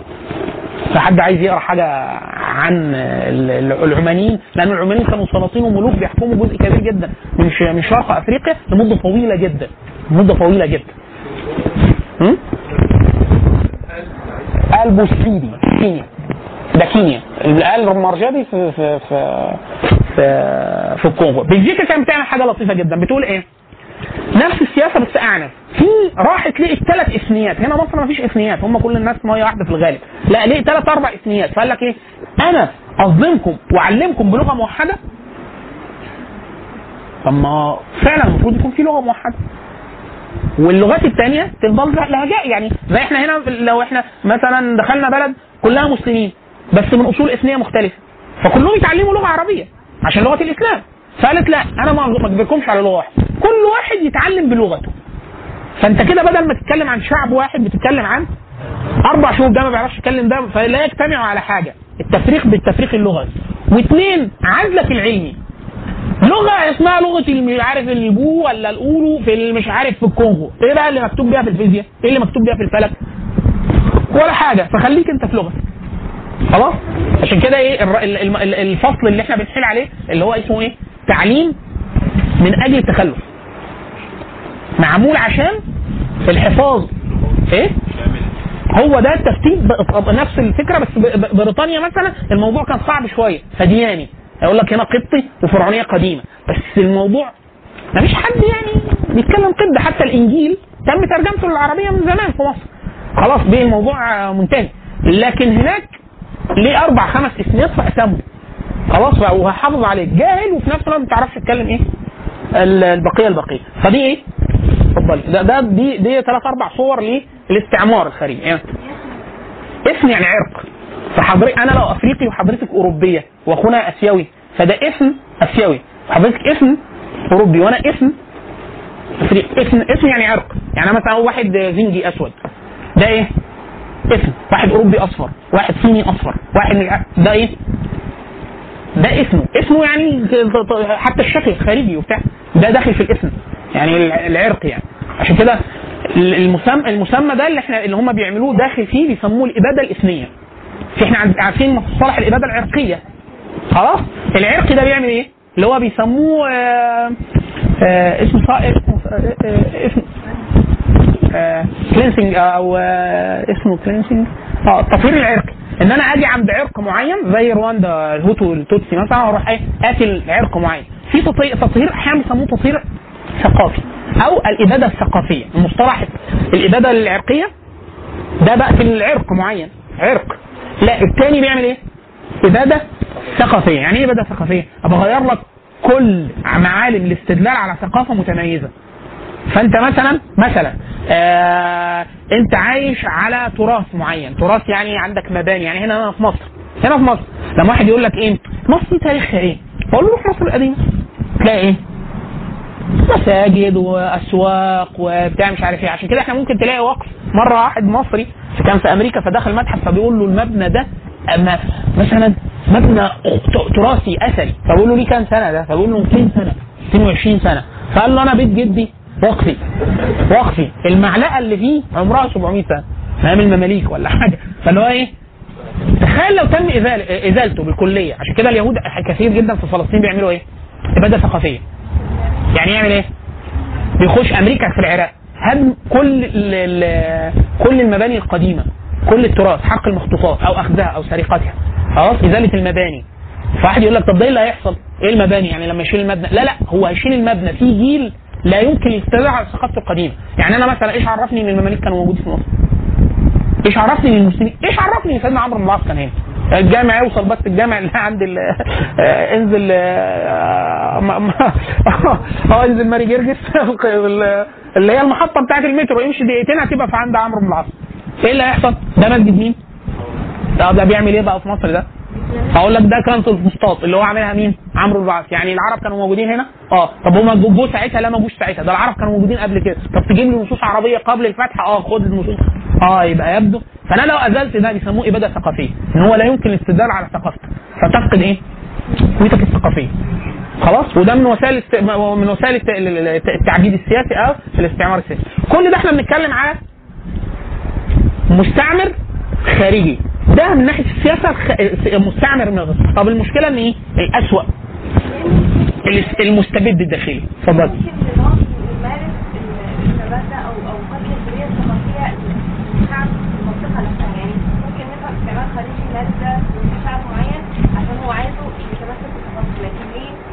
المنطق مثلا؟ عادي في أراضي آه، يعني تاريخية كتير في سوريا تدمر وأماكن كانت موجودة ودلوقتي محيت آه، بالقصد حتى يعني الناس جنبها عادي حديثه وما حصلهاش حاجة. هو الخ- القديم ده ده مخزن الذاكرة. يعني أنا وحضرتك حضرتك منين؟ من صومال أنا وحضرتك إيه المشترك بيننا؟ لغة؟ انت بتكلميني بأنهي لغة دلوقتي؟ اللغة العربية. لو إحنا الاثنين فقدنا هذا اللسان مفيش. طيب أنا حاليا بنتمي للصومال. أنا كمسلم أنا كمسلم عربي بنتمي للصومال. فواحد يقول لك أنت مالك بالصومال؟ أقول لك لا. ده أنا تاريخ الصومال اعرفه فأقول لك لا بص مقاومة محمد بن عبد الله الصومالي ضد الاحتلال آه، آه، الإيطالي والإنجليزي والفرنساوي. بعد يقول طب أنت تعرف منين الصومال؟ لا ده أنا وأنا إحنا كمصر مش كعرب وكمسلمين. إحنا كنا بنحكم بل وجودنا العسكري كان موجود في راس حكم في الصومال عندكم لغاية قبل مجيء الطلاينه فإيه المشترك بيني وبينك؟ لو حد أنا رحت هناك أوريكي مكان الحامية المصرية كان فين. فواحد يقول لك إيه؟ طب افرض إحنا شلنا الأثر ده إيه اللي هيحصل؟ راحت خلاص. راحت خلاص لو إحنا أنا وحضرتك دلوقتي في كم مخطوطات في في الصوماليه في الصومال باللغة الصومالية واللغة السواحلية واللغة العربية الثلاثه لو إحنا قضينا على ده وانت وهناك ما علمكوش غير الصومالي أو السواحلي إحنا كده هنطلع إيه؟ أنا مش عارف أكلمك لأن أنا ما فيش إيه؟ ده مش حاليا ده لا ده ليه ليه لما آخر يعني أقوى ده اللي إحنا هننتقل ليه بقى اللي هو المستبد داخلي. أسوأ عملية محو للهوية الإسلامية في الصومال حصلت إمتى؟ مش تحت الصومال يا إخوانا أختنا الصومال وجيبوتي. الصومال وجيبوتي وإثيوبيا إثيوبيا وإريتريا. الحاليه لأن إريتريا حديثه من 1993 ولا حاجة نالت استقلالها وبتاع. المنطقة دي ورد عليها أربع تقسيمات. فعندنا صومال آه، إيطالية صومال فرنسية صومال بريطانية صومال عندنا صو- صومالات. ليه؟ الصومال موجودة في مكان من أخطر الأماكن على الإطلاق في أفريقيا. اللي هو القرن الأفريقي. طب الصومال دي اللي إحنا القديمة اللي إحنا نعرفها هي إيه؟ الصومال الحالية. وجيبوتي وإقليم اوجادين في أثيوبيا. كل دول وكان لهم سلاطين وأمراء بل أقوياء بل أغنياء. قاعدين فين؟ في القرن الأفريقي. يعني ما فيش حد قاعد رايح يمين ولا رايح شمال إلا ما يعدي على المنطقة دي. فالمنطقة دي خطيرة جدا. فالمنطقة دي يجب نثبتها خلاص؟ المستعمر حاول وكان في مقاومة إسلامية ضخمة جدا ومشرفة علماء المسلمين ومجاهدين هناك وعلى راسهم محمد بن عبد الله في المقاومة الإسلامية. خلاص. بعدين جه آه، سياد بري حكومة سياد بري. حكومة سياد بري دي حكومة آه، لها توجه يساري ماركسي وكانت مواليه للاتحاد السوفيتي. الصومال كانت تقريبا مترتبة عسكريا من أقوى الدول الأفريقية. عسكريا لغاية حكومة سياد بري سنة 91 لغاية سقوط نظام سياد بري. فإحنا هنا في المخيلة الع- العامة المصرية بعد التشويه إحنا آخر جيل مثلا درس جغرافيا أفريقيا سنة 95 96 بعد كده محدش درس جغرافيا أفريقيا في المدارس. إحنا أنا درستها في ثانوي. الجيل اللي بعدي ما درسهاش. خلاص؟ فاحنا كنا بندرس القرن الأفريقي. 91 نظام الصومال كان دولة قوية دولة عسكرية وبعد كده إيه؟ كان اجتاح أثيوبيا خد إقليم اجادين وبعد كده حصل آه، سقوط آه، وحائط برلين تفكك الاتحاد السوفيتي فامريكا قالت سيبوا سياد بري سياد بري تم هزيمته من قبل اثيوبيا وراح السعودية. الصومال بعد كده إيه؟ هو عمل إيه في الصومال. كم العلماء اللي قتلهم؟ مهول جدا. محو الهويه الاسلاميه الاستعمار ما عملش ده. ما عملش اللي سياد بري نفسه. وسياد بري صومالي باشا شيوعي. آه، جايب ح- ح- ال- الاستعمار اللي كان موجود عمل خلل في الهوية الثقافية بتاعت البلد. فهو تحول إلى صومالي شكلا ولسانا وانتمائه للشيوعيه العالمية الأممية. فالمسلمين بالنسبة له خطر. والهوية الإسلامية خطر. فاللي عمله كان أكثر اعنف بكثير جدا من حتى الجانب الفرنسي. طبعا الفرنساويين والصهاينه والإنجليز عملوا تأثير سيء جدا في آه، هذه المنطقة. وهكذا.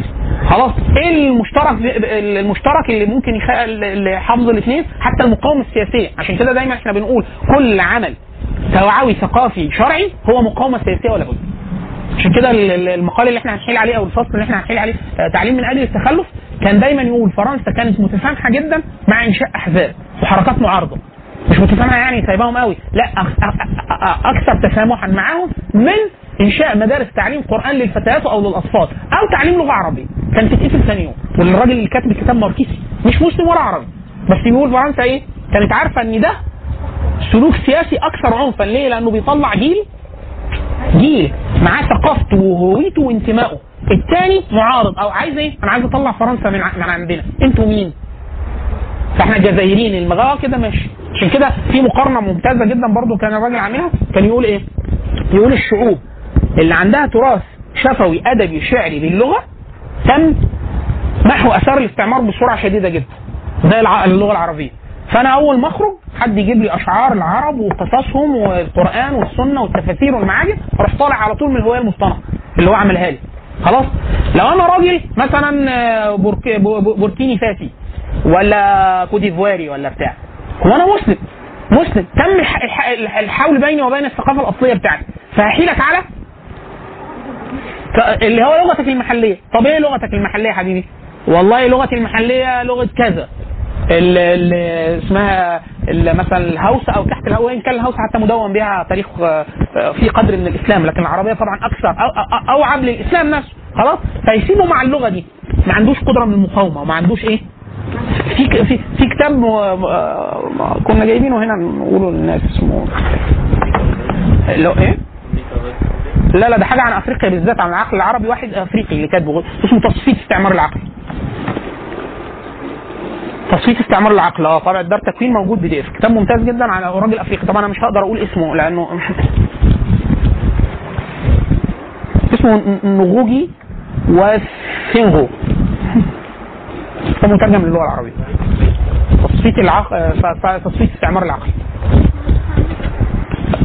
لحظة لحظة. هنتم فكرة معينة هناخد أسئلة. الأسوأ من المستعمر الخارجي إحنا بنقول المستبد الداخلي. ليه؟ المستبد الداخلي مش بيبقى مستبد فقط. يعني الاستبداد الاستبداد بيبقى فيه صفتين. الاستبداد قهر الإرادة العامة اثنين الجهل. الجهل والفساد. خلاص؟ فهو متحكم زي ما سيدنا عبد الله بن عمر قال في حج الحجاج في حق الحجاج. قال له افعل ما شئت فإنك سفيه مسلط. يعني تخيل طفل سنه ثانية عنده عقلية واحد ثانية ابتدائي وادوا حكم بلد. خلاص؟ ده المستبد ده المستبد المحلي. هو جاهل وأحمق. الاثنين. الاثنين مع بعض. قال لك وتخيل ليه. محمد صبحي كان في مسرحية التخاريف. قال لك قال لك إيه هتقولي لهم إيه؟ إن أنا بتاع واخد شهادة اتعامل معاملة أطفال. شعبي الحبيب الصبور الموت. أنا أنا ابن مجنون. عارفين مسرحية مسرحية التخاريف. محمد صبحي المسرحية طبعا كلها إسقاط سياسي. اللي هي الفترة بتاعت اللي هو الحاكم الدكتاتوري. يقول لي لم لي طارق مصطفى وطارق يحيى وطارق إبراهيم. يقول له ليه يا فندم؟ يقول له عشان قانون الطوارئ. آه؟ فالحقبه ال- الحق ال- ال- الكلام هو بيتكلم على اللي هي فكرة إيه؟ هو مستبد وأحمق. فياخد قرارات بقى. إيه بقى؟ اتحسنا بالقرارات. فهو بياخد قرارات ضد إرادة الأمة. اثنين. متحكم في إرادة الأمة والاسوأ من كده؟ إن هو بيخضع للمستعمر الخارجي لأنه أقوى منه. حتى لما بيخرج. حتى لما بيخرج. فبيجتمع عليه السوئتين لو هو عدو صريح فيجب استنفار عليه كل الجهود فهو بيعمل كل اللي بيسموها الكارثة في علم الاجتماع بيسموها التغيرات البطيئة. التغيرات البطيئة اللي هي إيه؟ أنا هديك إزازة فيها سم أقول لك اشربها مرة واحدة فهتموت. فقدام الناس كلها إيه؟ مت وانت واضح كده. ده ده الايه الاستعمار أو الغزو الخارجي. فكل إرادة الأمة بتستنفر. لو جبت لك واحد محلي المحلي ده حط لك نقطة كل أسبوع. أنت هتموت بعد ثلاث سنين. ولا يمكن يشك إن أنت ولا أنت هتقاوم. خلاص؟ ده في مثال مشهور جدا في أفغانستان. انقلاب تراقي آه، دا- دا- دا- داود 75 الكثير جدا من الشعب الأفغاني في أول الانقلاب لم يستشعر اي آه، أي مشكلة. ليه؟ لأنه اللي قاموا بال- بالانقلاب نفسهم أفغان. بالرغم الافغان شعب يعني اللهم صل على النبي ما فيش حد عدى عليهم من أيام الاسكندر الاسكندر المقدوني بريطانيا إلا ما علموا عليهم محدش دخل. لكن الانقلاب الداخلي افغان والشيوعيين الأول محدش تنبه لحد. بل الأمر عادي جدا. حتى أدرك كثير جدا من أهل العلم في أفغانستان إن هم شيوعيين إن هو كافر. ده لما أدرك ده قام الجهاد الأفغاني وقامت المقاومة الداخلية لكن في أول الأمر لم يستوعبوا ذلك. إيه السبب؟ هو أفغاني. فما كانش مست- مستوعب إن هو يؤتى من الداخل. آه لا لا حصل حصل. آه ال- الإنجليز لما دخلوا أفغانستان مرة واثنين وثلاثة آه، مرتين. الجيشين بتوعتهم تم ابادته الملك اللي هو اسمه ظاهر شاه لما خد قرار قلع الحجاب. أول واحد يجرؤ إنه يعمل ده في أفغانستان. طبعا الناس قامت معاه بالواجب برضه في, أفغانستان. كان أظنه أخرج بعدها. لم. لكن جرؤوا ان ياخدوا القرار ده. وهو حاكم داخلي. ورقيبة.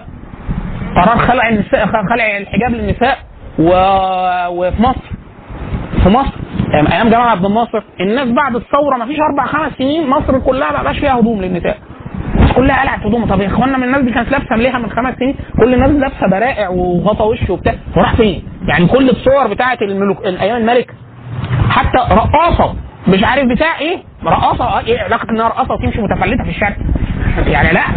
اللي هو المجال العام. حتى والله قاعد يقول لك وده كويس. آه ده كويس. يعني أما الفجر دايما إحنا إحنا عندنا حد في الإسلام اللي هو عدم الجهر بالمعصية. يعني هي هي هي هي ست متفلته فين؟ من البيت للخمارة من الخمارة للبيت. يعني في الخمارة. خلاص؟ والا كان ساعتها القانون القانون في مصر كان لفتره حد قرأ قانون الرقصات في مصر؟ لا والله اقروا المادة. المادة أنتوا مش عارفين ان في قانون؟ لا قانون لبس الرقاص. آه لا ده قانون ممتع جدا. يقول لك يجب أن يكون ساتر لجميع الب- البدن في حالة الثبات وعدم الاهتزاز. لا أصل أنا راجل بدرس قانون. فكان أقول أي طب هو هيحط قانون للرقصات هيكون إيه؟ فيقول لك لبسها حشم وساتر لجميع البدن. يا فندم دي مش ممرضة. دي رقاصة. فيقول لك في حالة الثبات والوقوف الراسي يعني هو آه كده ماشي أنا فهمت كده استوعبت. يعني هو ليه ليه ليه تكنيك يعني. خلاص. فلا لا القانون لا كان كان لطيف قوي. وكان مرة ناشرينه حد زمان آه، في جريدة من جرايد المعارضة آه، بيقول الناس عشان ما يعرفش القانون. فالقانون فيه حاجات مسيئة جدا. فيقول لك إيه؟ هو قانون الخمور. قانون الخ- الخمور دي بتتباع إزاي؟ إحنا عندنا ثلاث هيئات حكومية بمصانع خمرة. في مصر آه، إيه ده؟ والشريعة وبتاع. الشريعة دي عند ماما مش موجودة. القانون بينص على إن ده مباح. طب الملاهي الليليه دي مفتوحة إزاي؟ القانون بينص على ده. طب والرقاصة دي تمشي؟ لا طبعا. القانون ده أصلا قانون محكوم بال- بالقانون العام. القانون العام اللي هو الأخلاق العامه فهي الست الرقاصة دي بتخالف القانون العام؟ اطلاقا. اطلاقا. ما عندناش الكلام ده إحنا دولة محافظة. طيب إيه القانون؟ فتقرأ لو والله المواصفات لطيفه جدا. بس يا سبحان الله العظيم يعني الشيطان الشيطان لما تلاعب بالناس القانون يعتبر القانون الرقاصة تبقى حشمه إزاي دي؟ عامله المكتوب بحرفية شديده وزمان أيام الإنجليز لغاية سنة آه، 47 كان في ترخيص لممارسه الدعاره في مصر. فكان ده ليه شروط وليه قوانين وليه كشف طبي دوري وبتاع مش عارف إيه. فهو بيقنن بيقنن البغاء وبيقنن اللي هو إحنا بنسميه ده هو هو عمل كده نفس اللي عمله ده عمله في اللغة. آه لو هتنجح إن شاء الله. يعني إن شاء الله مش يعني يعني لا لو لا أكيد هنوصل للمرحلة دي تاني. أكيد. أكيد. ليه؟ يعني طبيعة الأشياء. حديث النبي صلى الله عليه وسلم مثل القائم على حدود الله والواقع فيها كمثل قوم استووا على السفينة فأصاب بعضهم اعلاها واصاب بعضهم اسفلها فمن كان في السفن قالوا قد أذينا إخواننا. إخواننا بيجيبوا إيه؟ بيجيبوا مية عمالين طالعين نازلين فقال لك إيه؟ فلولا خرق خرقنا خرقا في نصيبهم ولم نؤذي إخواننا. فلو تركوهم ما أرادوا هلكوا هلكوا جميعا ولو أخذوا على أيديهم نجوا ونجوا جميعا. فهي الفكرة في إيه؟ إن هو لا أكيد الطبع الموضوع هيوصل كده. حتى في خلينا نرجع تاني لفكرة الدعاره اللغوية قصدي يعني اللي هو الاستعمار اللغوي. آه إن هو حاليا المغرب المغرب ده الأصعب. المغرب والجزائر حد شاف تصريح وزارة ال- رئيس آه، وزاره التعليم في الجزائر. اما لغت بسم الله الرحمن الرحيم من الكتب وبتاع مش عارف إيه وفرنسه بقى. فرنسه تانية. إن هو اقرار اللغة الفرنسية لغة التعليم بعد موضوع موجة التعريب من أيام هواري بومدين في الجزائر. ده بيحصل حاليا في المغرب. طبعا تونس آه بتاع. إحنا هنا في مصر مع يعني مصر إحنا يعني نموذج متفرد. إحنا ما قرار مع ولا ضد. إحنا شغالين. آه، يعني الدستور بينص عن اللغة العربية لغة شرعية في كتاب مشهور جدا اسمه حماية اللغة العربية قانونيا. كل النصوص اللي موجودة في الدساتير ما فيش دولة عربية إلا في نص دستوري كل الممارسات اللغويه اللي أنا بقول عليها دي محرمة بالدستور في كل الدول العربية. لكن إحنا إيه؟ إحنا نكتب في الدستور اللي إحنا عايزينه ويعني إحنا نعمل اللي إحنا عايزينه. بما فيها المحلات بما فيها التعليم بما مناقشة الرسائل العلمية بما فيها الممارسة السياسية. فالاستبداد الداخلي فيه شكلين من اشكال الاستبداد. واحد القرارات الشائعة قرارات الشائعة زي اللي حاصل. زي اللي حاصل واحد مثلا برو- بوجود لغة أجنبية في التعليم في السنوات الأولى.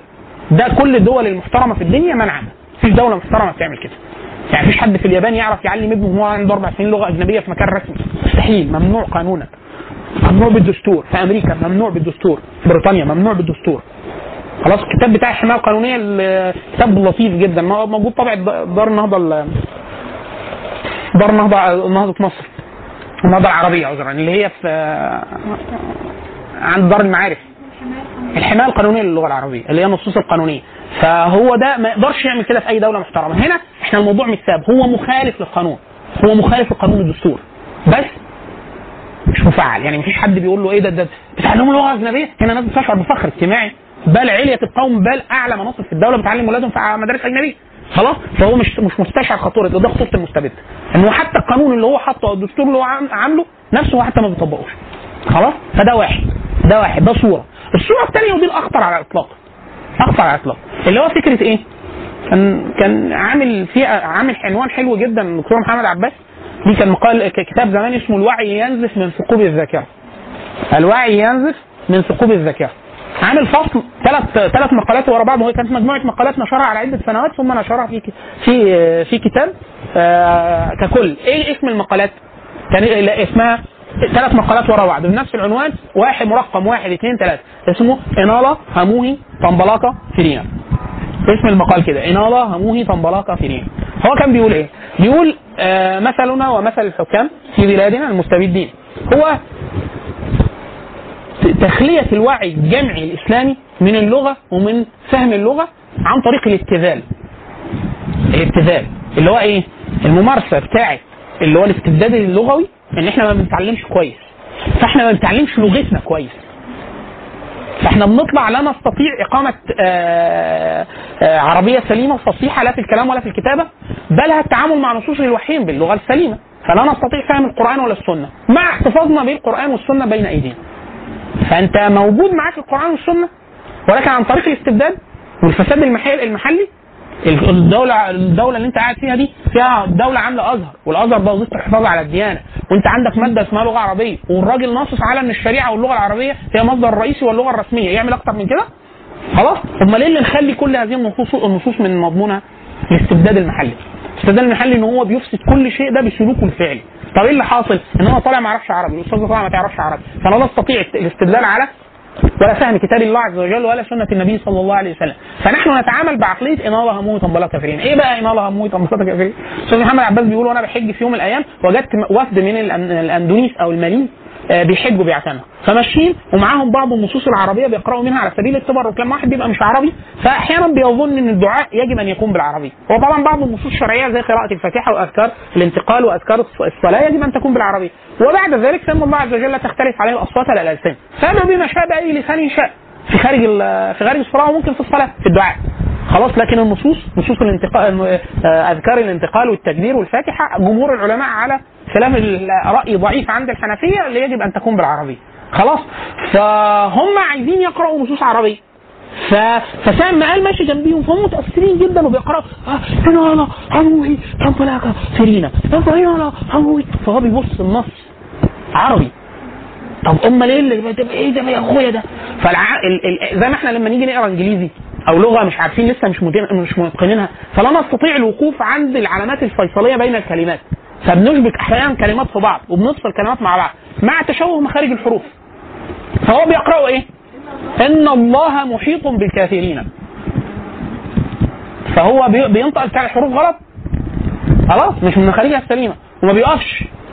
مظبوط. فإنارة يعني عايز يقول إن الله إنال هموه إن الله مو إن إنال هموه فانبلا كافرين إن الله مهيط بالك عارف لما إن الله مهيط بكثير إن الله مهيط الله- بقت إن الله مهيط بلا كافرين فأقول لك إحنا بقينا كده. إحنا كعرب من يعني عرب عربي مسلم يعيش في بلاد العرب في مركز اللي هي مواد الصلبة للعرب ويتعامل مع الكتاب بهذه الطريقة. عشان كده إحنا دايما نقول في اختبار مشهور جدا واحد كان عامله بعد كده آه، في نوتة مشهورة لو ممكن نفتحها لكم على المجموعة اللي هو 50 لفظة دائما الناس بتفهمها خطأ بسبب العامية المصرية. إيه السبب؟ إن هو اللفظ موجود نفسه في العامية المصرية. فلما بيعدي عليه في القرآن فبيتصور إن هو زي يقول لك إيه؟ الذين جابوا الصخرة بالواد. فيقول لك جابوا يعني؟ جابوها. جابوها. جابوا يعني شقوا وقطعوا. فمعنى ده بس شبهه. إذا وجبت جنوبها. الوجب اللي هو الوقت السقوط. فأنت لما تيجي تذبحها فبتقع. فإذا وجبت جنوبها يعني وقعت. أو آه، أهش بها على غنمي. وما تلك بيمينك يا موسى قال هي عصايا فتوكأ عليها وأهش بها على غنمي. فيعني إيه أهش بها على غنمي؟ يعني هو لا هو أهش بها على غنمي إن هو بيروح للشجر فيضرب الش- الشجر بال- بالعصا فده الهش إن هو يهش عليها فتسقط الأشياء تأكلها. هو ده كل معنى بس مشكلته إن إحنا موجود عندنا في العامية شبهه. خلاص؟ آه، وتبنون مصانع لعلكم تخلدون. آه وجاءت سيارة في سوره يوسف اللي هو والمصحف يعني جوه انقذوه العربية بقى. بقول لك لا ما كانوش بالتطور ده. خلاص وهكذا وهكذا الأكلات الدكتور بيستعملوا كلمات بمعاني غلط زي أكلات هم يقصدوا أتى حاشا بس بيستعملوا أكلات أكلات حضرتك كده أنا تنعدم. هتنعدم وأنت واقف. خلاص؟ وهكذا. خلاص فإحنا هو ده بقى المصيبة. إن هو الوعي ينزف من ثقوب الذاكرة. إن أنت قاعد متصور إن النص معاك. يعني مفيش واحد عربي ولا مصري وبالذات مصريين. تقول له اللغة العربية لك إحنا أمال الأزهر بيعمل إيه؟ يا عم ده إحنا عندنا مئات آلاف حفظة من القرآن. ما هو وهذا نص عليه النبي صلى الله عليه وسلم. الحديث المشهور لما قال لواحد من الأنصار يعني إيه؟ هذا يعني آه، وقت أن يرفع فيه العلم وكذا فقال لا الأنصاري بيقول للنبي صلى الله عليه وسلم قال له لا والله لا نحفظ يعني نحن نحفظ كتاب الله ونحفظه لأولادنا ونسائنا وبتاع. فالنبي قال له كنت أظنك يعني أظنك من أعقل ال- الأنصار أو أعلمهم أو أفقههم. قال لهم فهذه هذه التوراة والإنجيل بين ظهراني اليهود والنصارى فهل أغنت عنهم شيء؟ يعني هي الفكرة مش ببقاء الكتاب بالرسم. يعني لو انت في نصين مهمين جدا النص ده ونص عبد الله بن عباس. حديث النبي صلى الله عليه وسلم اللي هو قال هذا أوان رفع العلم. نظر إلى السماء وقال يعني الآن يرفع العلم أو كذا. فهو تصور إن العلم يعني إيه يرفع ان يرفع من بين ظهورهم الكتاب أو يفقد. فيقول لك إزاي المصاحف؟ ده إحنا عندنا مصاحف والعيال كلها عيالنا بنحفظها قرآن. قول يا ال- فيقول. هو بيقول مش فاهم أي حاجة لأن العامية التي يتكلمها غير اللسان الذي تكلم به النبي صلى الله عليه وسلم وأصحابه. فإحنا مش قادرين نفهم الدلالات. خلاص؟ فالأنصاري بيقول له إيه؟ بيقول له يا رسول الله لا والله لا نحفظ لا نحفظن كتاب الله ونحفظه لأولادنا وانه يعني هو يعلمه للنساء والأطفال وبتاع. فالنبي صلى الله عليه وسلم لما سمع منه الإجابة قال له أنا كنت اظنك أعقل من هذا أو أفقه من هذا. قال له فهذا ال- التوراة والإنجيل بين ظهراني اليهود والنصارى ف- أو في أيدي اليهود والنصارى فهل اغنت عن- عنهم شيء؟ يعني هو مش فاهمها. مش فاهمها وما بيعملش بيها حاجة. والاثر الثاني أصلا سيدنا عبد الله بن عباس ان عمر بن الخطاب هو على المنبر فيعني قال يعني أخ يعني يعني أنا أخشى عليكم أن يحرف كتاب الله عز وجل وأن وأن يعني آه، آه، الناس تفهموا على غير وجهه وكذا. فسيدنا عبد الله بن عباس قال نعم. يعني يحدث إذا آه، فهموه على غير ما نفهمه الآن. يعني يظل الكتاب بين أيديهم ويفهموه على غير الفهم الذي نفهمه الآن. سيدنا عمر الخطاب يعني إيه بص له النظرة يعني نظرة يعني إيه؟ فسيدنا عبد الله عباس استشعر إن هو إيه؟ ارتكب شيء خطأ أو قال حاجة خطأ أو كذا. ثم انصرف الناس. وعمر على المنبر. فيعني إيه استدعى سيدنا عبد الله عبد عباس سيدنا عبد الله عباس راح هو خايف يعني يقول الكلام يكون غلط اللي قاله. فقال له قاعد علي ما قلت. فقال يا أمير المؤمنين لو كنت يعني أخطأت وكذا أخرج مما قلت. أقول آه، خلاص آه، أنا راجع عنه وكذا فقالوا لا لا قاعد علي ما قلت. قولوا ثاني. فقال يا أمير المؤمنين يعني الناس يبقى معهم كتاب الله بالرسم. رسم. حديث النبي صلى الله عليه وسلم يأتي زمان على الناس لا يتبقى من الإسلام إلا اسمه ومن القرآن إلا رسمه. فيتبقى رسم المصحف. طب والرسم انت فاهم حاجة؟ لا. طب انت فاهم حاجة يبقى أكيد مش فاهمه مش هتعمل بيه. فهو كده القرآن إيه؟ رفع. رفع العلم. رفع العلم يعني رفع العلم والعمل. انت مش فاهم. فانت ما بتعملش. فانت لا تتلقى رسالة الله عز وجل. خلاص؟ فقال له فيظل الكتاب بين ظهرانيهم ويفهمونه على عكس ما نفهمه الآن. أو على غير الفهم الذي نفهمه الآن. فهو وهذا أوان رفع العلم أو كده. فقال لله آه، ذيك أو لله ضرك فكنت اكتمها يعني هو النبي قال لنا كده فعلا يعني هو استحسن منه قال له بس أنا كنت مش عايز أقولها قدام إيه؟ يعني الناس وكأنه يعني بشير سوء إن هو ده, ده يحدث بين ده يحدث بين الناس إن هو لا يتبقى من الإسلام إلا اسمه ومن القرآن إلا رسمه. مين اللي بيعمل حاليا دلوقتي في الداخل ده؟ المستبد الداخلي. المستبد الداخلي. مشكلته إن هو بيعمل إيه؟ مشكلته إن هو الأسوأ إن هو عامل مدارس تعليم لغة عربية. وعامل منهج وفي وزارة وفي مستشارين لغة عربية وموجهين لغة عربية. وإذاعة القرآن الكريم ودروس لغة عربية مبثوثه بين الناس. مشكلتها إيه؟ إن هو تم تخليتها من من موضوع من مضمونها. فلا نحن نعترف باختفاء اللسان بين ظهراني الناس ولا نحن نقيم الجهد الحقيقي لإبقاء هذا اللسان بين الناس فاللي هو إيه؟ من كتم داءه مات به. إحنا مش عارفين إن إحنا عيانين فنفضل قاعدين قاعدين كده لغاية ما نموت. بس مشكلتنا إن إحنا مش إحنا اللي هنموت. المشكلة إن هو هيموت اللسان اللي هو يتوصل به لفهم مراد الله عز وجل فيظل الناس إن الله هموني طنبلك فيه. هو بيتعامل مع نفسه طلسم فأكيد اللي بيقول إن الله هموني طنبلك فينا ده ده ولا مش عارف ينطقها بالها إن هو بالها إن هو يفهمها خلاص بالها إن هو يعمل بها بل إن هو يعتقدها بل إن هو يعني إيه يقوم بحق الشهادة على الامم لا هو إحنا إحنا ثمرة المستبد ليه انت مش ممكن؟ يعني انت لو رحتي في مكان هذا المكان يعني انت لو رحت دورة دولة أجنبية. خلاص أنا كنا وإحنا في زيارة في ال- اليابان لينا التقينا بمهندس عربي أردني اسمه المهندس سنة. وهو وزوجته أسرة كريمه جدا ربنا يبارك فيهم ويحفظهم. معاه ابنه اسمه أسيد. فالولد ده أبوه عربي عربي صليبة وأمه عربية صليبة. وهم الاثنين عايشين في اليابان منذ 11 سنة. خلاص؟ طيب بيتكلم أنا أول حاجة جت في ذهني إيه؟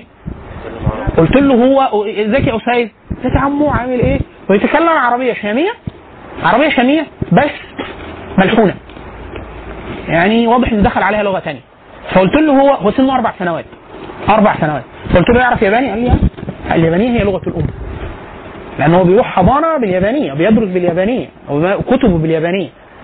وقال لي وعلمه عربية وحفظه قرآن وأذكار وبتاع قول له بقى عمو الأذكار كذا وبتاع. تتكلم بعربية على عربية اعجميه يعني عربية لا يستطيع إقامة الحروف كما هي لكن يعني في بيعرف يفهم عربي حتى العامية العامية المصرية شبه العامية الشامية فكان فاهم قدر من كبير من الكلام. فأثناء الكلام آه، الشيخ أنس كنا إحنا قعدنا فترة ما ناكلش سكر وش- ب- ب- حب حب- ما بيقدمولناش لا سكر ولا ملح مع الأكل. اليابانيين بياكلوا أكل صحي؟ بس إحنا عاملين زي اللي عنده أمراض انسحاب الجرعة. إحنا بنسف سكر يا عم. إحنا فدخلنا المطعم أخونا كان عازمنا على عشاء في مطعم إيراني. ما إحنا كنا عايزين مسلمين إيران ترك آه، آه، باكستانيين هنود. عايزين ناكل أكل نعرفه عايزين لحمة وبتاع وملح وشطة وسكر عايزين يعني حاجة من اللي نعرفه. الاكل الياباني صحي بس يعني ما يعني مش حلو ما ياكلش عيش. آه. لا يسمن يعني فعلا ما بيخلكش تسمن يعني. خلاص؟ ف فالشيخ أنس ما دخلنا وإحنا بنتكلم مع بنقول له اسيد واللغة العربية ومشاكلك وبتاع بيقول ده أنا حتى أنا عايز أستعين بيكم أعمل إيه؟ ومش عارف إيه بيقول لي أعمل أعمل له أعمل له منهج آه، تعليم منزلي أنا وام نمارسه معاه وبتاع. فأنا عايز أقول له إن أثر أثر البيئة طاغي وإن هي لغة الأم شئت أم أبيت ستكون هي اليابانية وبتاع. فالشيخ أنس إيه؟ فتح السكرية وجاب معلقة أكل كبيرة قبل ما الأكل ينزل وقعد ياكل سكر بالمعلقة. فأسيد. اللي هو ده بيرتكب خطيئة. ده بيسف سكر يا بيه ده أنتوا بتسطروا سكر في مصر كده ده ده مخدر. فهو فهو لاحظ سند فقال له سيد وريت عمه كتاب. قال له واحد راح مطلع إيه؟ موسوعة بتاعت أطفال بيدوها له في رياض أطفال. قال له اقرأ له. أنا أول ما اقرا له اقرأ له أنا إيه؟ التفت اللي هو مفيش طفل بيقرأ قرا عنده أربع سنوات. طفل ممارس للغة حصيلته اللغويه عنده أربع سنوات تزيد عن 7000 كلمة ولا أكثر في اي لغة في لغة الأم. ما يقرأش. فهو مطلع موسوعة وراح مطلع الفصل بتاع السكر. إحنا عارفين من الصور. وبدأ يقرأ. فقلت له هو بيعمل إيه؟ قال لي بيقرأ.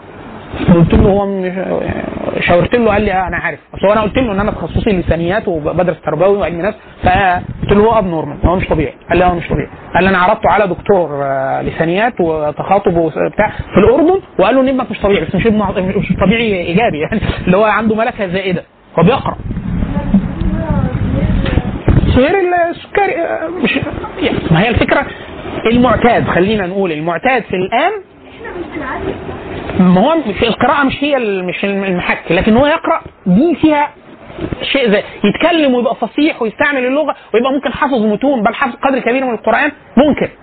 ممكن. نصوص شعرية ممكن. لكن بيقرأ باللغة اليابانية باللسان الثاني واليابانية بالذات. لا لا لا الموضوع صعب. فقلت له إيه الحكاية؟ قال لي كذا وكذا وكذا. بس هي الفكرة في إيه؟ إن هو بص النظام اللغوي عامل إيه؟ إن الدولة ده طفل مش ع... مش ياباني. وابوه وامه مش يابانيين وبيكلموه في الع- في البيت بالعربي. مش لازم ده هو الواد بص الواد اللي الواد هي خلاص هيجيله طفح ياباني. اللغة استقام اللسان على طول. فتخيلي انت المفروض تعملي كده. تعملي كده وأزيد من كده عشان القرآن. عشان القرآن. ال- ال- الفيديو اللي بت- بتحكي عليه أختنا اللي هو الدكتورة اسمها إيه؟ سكري. اسمها؟ سهير؟ و- آه اللي هي بتقول إن الطفل قديما كان بيحفظ القرآن وبيحفظ الألفية وبيحفظ أشعار وبيتعرض لنصوص لغوية كثيرة ما دام هو مسلم. فهو الطفل بيجي سنه ست سبع سنين محفوظه اللي إحنا بنسميها الحصيلة الحصيلة اللغوية الذهنية. ان هو حصيلته اللغوية إحنا حاليا لما الطفل بيبقى عارف 7000 كلمة 8000 كلمة بنعتبره حاجة كويسة. والطفل لا ده بيبقى حافظ جزء كبير من الألفية واللغة الع... وخاتم قران في ناس أطفال بيبقى خاتم كان على ست سبع- ست وسبع سنين بل يحفظ وإن كان من النوادر لكن كان يحفظ. إن الإمام الذهبي في ترجمة بعض الناس قال وقد قرأ بالعشرة قرأ بالقراءات العشرة وهو عنده عشر سنوات. يعني طفل سنه 10 سنين يقرأ بالعشرة يقرأ قراءات العشرة يعني هو أكنه حافظ القرآن تقريبا 300 مرة. اللي هو بالتباديل والتوفيق وإحنا السبعة والعشرة المتممة العشرة الصغرى العشرة الكبرى فلما نعمل الاحتمال ده رقم كبير جدا محفوظ الذهني بقراءات بلهجات مختلفة وبتاع. فكانت الحصيلة اللغوية الذكاء اللغوي كان عالي جدا لأطفال العرب والمسلمين خلاص؟ نحاول يعني نلخص أو ما قلناه واحد إن ال- ال- الس- الس- السياسة لها علاقة ماسة مباشرة مع اللغة سلبا وايجابا. سلبا وايجابا. لو أنا عايز أغير تص- تصورات ناس تصوراتهم بالكلية والثقافة والهوية وبتاع هاخد قرار سياسي بتغيير هذه اللغة. فيتغير فيتغير الثقافة واللسان ومن ثم والهوية ومن ومن من ثم ال- الدين نفسه. الدين نفسه دينه هيتحول. عشان كده إحنا عندنا إيه؟ عندنا أحصاء مخيفة جدا. بتقول إن كل أبناء المهاجرين في الغرب بعد الثلاث أجيال الجيل الثالث ثالث يعني الحفيد. 75% منه بيفقد اللسان الأول وبيفقد دينه. 75% يعني كل 100 75 منهم بيفقدوا اللسان والدين. ما يعرفش عربي. ما يعرفش عربي. يعني جده هاجر. ابنه هيتعلم عربي مكسر ويتقن اللغة الأجنبية. الثالث يفقد اللسان الأول ويتعلم اللغة الأجنبية ويترك دينه. خلاص؟ إيه السبب؟ المظلة السياسية. خلاص والمستعمر كذلك. عشان كده الفرنساويين لما قعدوا في الجزائر جه على ما فيش تحديث فكان التعليم ما فيش بنية متماسكة مع. الاحتلال الفرنكفوني عنيف جدا في تغيير اللغات. حاليا أنا خالي خدم 20 سنة في تعليم في الجزائر قديما. قال لي في كثير من الجز... الجزائريين العوام. بياعين قال لي أروح أبيع خضار وبتاع. قال لي يجب أن أحدث ال- البائعة بالفرنسيه أو هم بيخلطوا. إحنا يمكن بنعمل أقل من كده مش عشان اعتزازا بالهوية ولا بتاع لأن الأثر الإنجليزي كان أقل وإحنا التعليم عموما عشان فاسد فجه في مصلحتنا. عارفين إيه السبب؟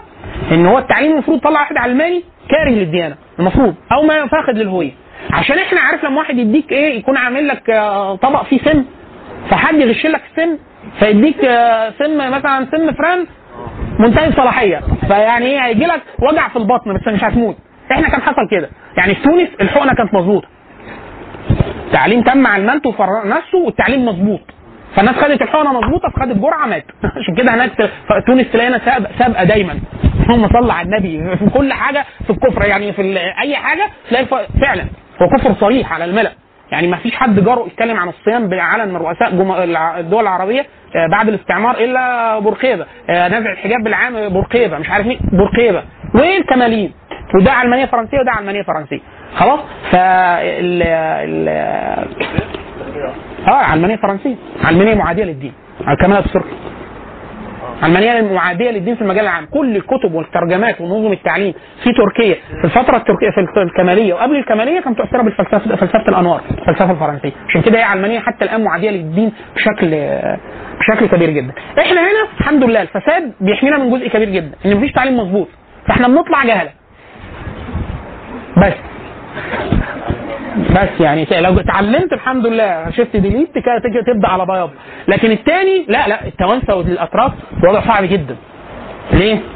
انت بتعاني من واحد لا خد الحقنة سليمة وما خدش الحقنة المظبوطة. فهو يعني هنا اللي هو إحنا قاعدين يعني اللي هو بتاعت ال- ال- ال- ال- ال- المسؤول الفاسد الأمريكي المسؤول الفاسد المصري.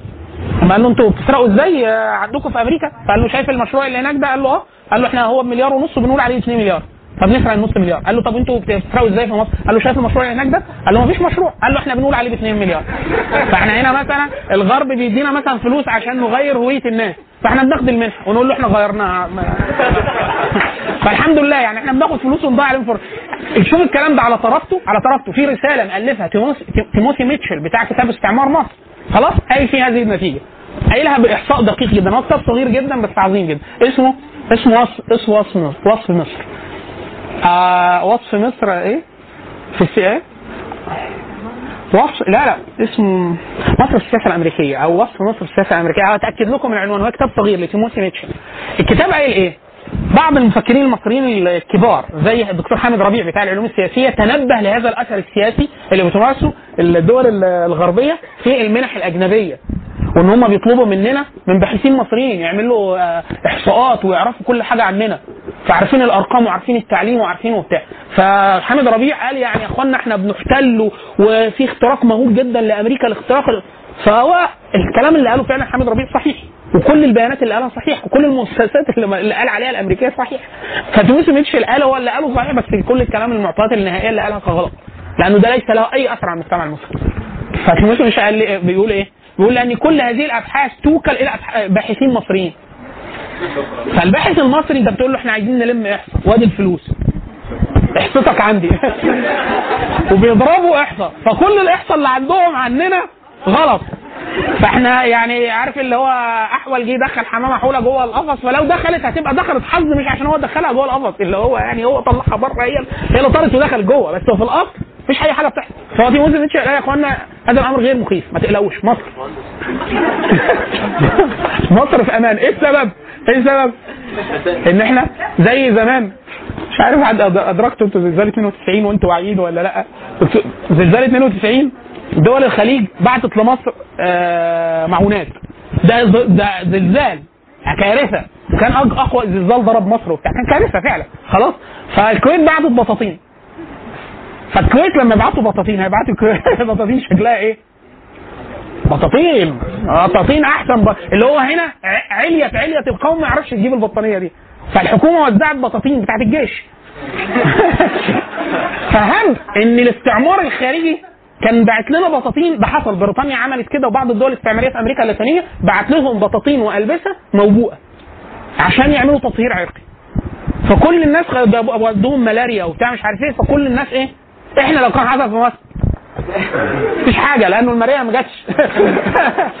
إحنا ضربنا الجرعه يعني عارف لما تكون انت اديته حاجة سم تقول له للراجل فالراجل طفل كل شوية بيشرب هو السم فما انت لا يمكن الطفل يموت ما تقلقش. فاحنا لا نموت بالتعليم الفاسد. ابدا. إحنا يتم تجهيلنا بس. مين اللي عليه خطر في مصر؟ لا. لا برضه. هنقلع عليه ليه يا فندم؟ مفيش تعليم في مصر إحنا ما تقلقش. في علية القوم. لأنه بيودي ابنه مثلا في AUC في جم... في د... في ما... في مدارس في مصر اللي عنده ابن في رياض أطفال بيبعت له بيدفع له أكثر من 200000 في مصر. في حد كان عامل infograph؟ في أشهر عشر أكبر. ففي إيه؟ في 300000 و400000 و200 أطفال. فالجامعه الأمريكية هنا مثلا لو أنا داخل الجامعة الأمريكية هدفع كام في السنة؟ 300000 بتاع الجامعة الألمانية لا ده بسيط ادفع له 100000 بس.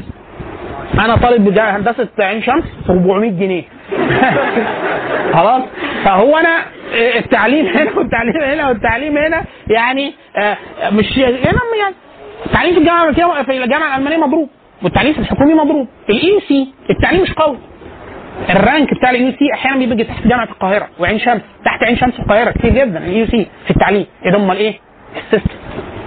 هو ال system مظبوط. فهناك اللي بيخش ثقافيا لا بيتم ابتلاعه بالكليه ليه؟ لأن الحقنة مظبوط الجرعة خدت الجرعة؟ لا هتتحول. إحنا هنا خدت الجرعة. ما حصلش حاجة لأنه مش هيحصل حاجة. إحنا ننحرف بس. عشان كده التعليم الحكومي يطلع واحد جاهل منحرف. لا يعني إيه آه، شهواته وبتاع. لو رحت تعليم تاني مظبوط تلاقي عنده أسئلة حقيقية وانحراف حقيقي وهوية مصطنع حقيقية. إحنا تبقى طالع ما عندكش بطاقة. يعني إيه؟ أنت هويتك إيه؟ يعني إيه هوية يا فندم؟ يعني ما فيش. فده ما تقلقش إن هويته تكون إيه؟ اتضربت. ليه؟ ما عندوش. مرة إحنا كنا واقفين بناكل فول في أسيوط قدام عربية فول. فالراجل اللي بيأكلنا الأخونا اللي معانا دكتور في طالب في الطب. إحنا هندسة. مهندس معروف بجبروته. ياكل اي حاجة لأن إحنا ما, ما يعني ما اي حاجة لا ترى بعين مجرده إحنا ما بنعترفش بيها موجوده في الكون كمهندسين. خلاص؟ ف, ف... بتاع الطب بيقول لك خش يا عم على البكتيريا وال... هو اخونا بيتريق فالراجل سمعه. قال له لا يا أستاذ لا. ما عندناش أي حاجة هنا بكتيريا إحنا كل حاجة مغسولة وتمام. هو بيتكلم على كائن بكتيريا هي حاجة هيشوفها يعني. آه. فإحنا نفس الحكاية اللي هو إيه أنا طالع من التعليم الحكومي ما عندناش إحنا استعمار ولا هوية ولا أي ثقافة. فإحنا في الايه في. فإحنا في السليم. الخوف علينا منين؟ من فكرة الوعي ينزف من سقوط الذاكرة. اللي هو الله اللي هو المدرسة حبيبي حفظتكم إيه؟ قال له سوره الكهف. فقال له قول كده قالت له إيه؟ آه كايهاص يعني اللي هو إيه يعني مش عارفة تقرأ قرآن أصلا. فالواد ده مش هيجي لك بقى يقول لك إيه القرآن ظني وبتاع ومخطوطات القرآن يعني مش هتجيله شبهة سليمة ابدا. ابدا. ليه؟ كله سؤالين ونهي. كان عندكم سؤالين؟ أيوه قولي. يا ست الكل يا ست الكل. أنا قابلت ناس مخلص إعدادي وثانوي أصلا ما أعرفش يقرا ويكتب مع... إيه؟ وكل فخر. وكل فخر. فلا إحنا لا إحنا إحنا في السليم إن شاء الله ما تقلقش. سؤال تاني. دو إنتوا عايشين معانا إنتوا ازهر.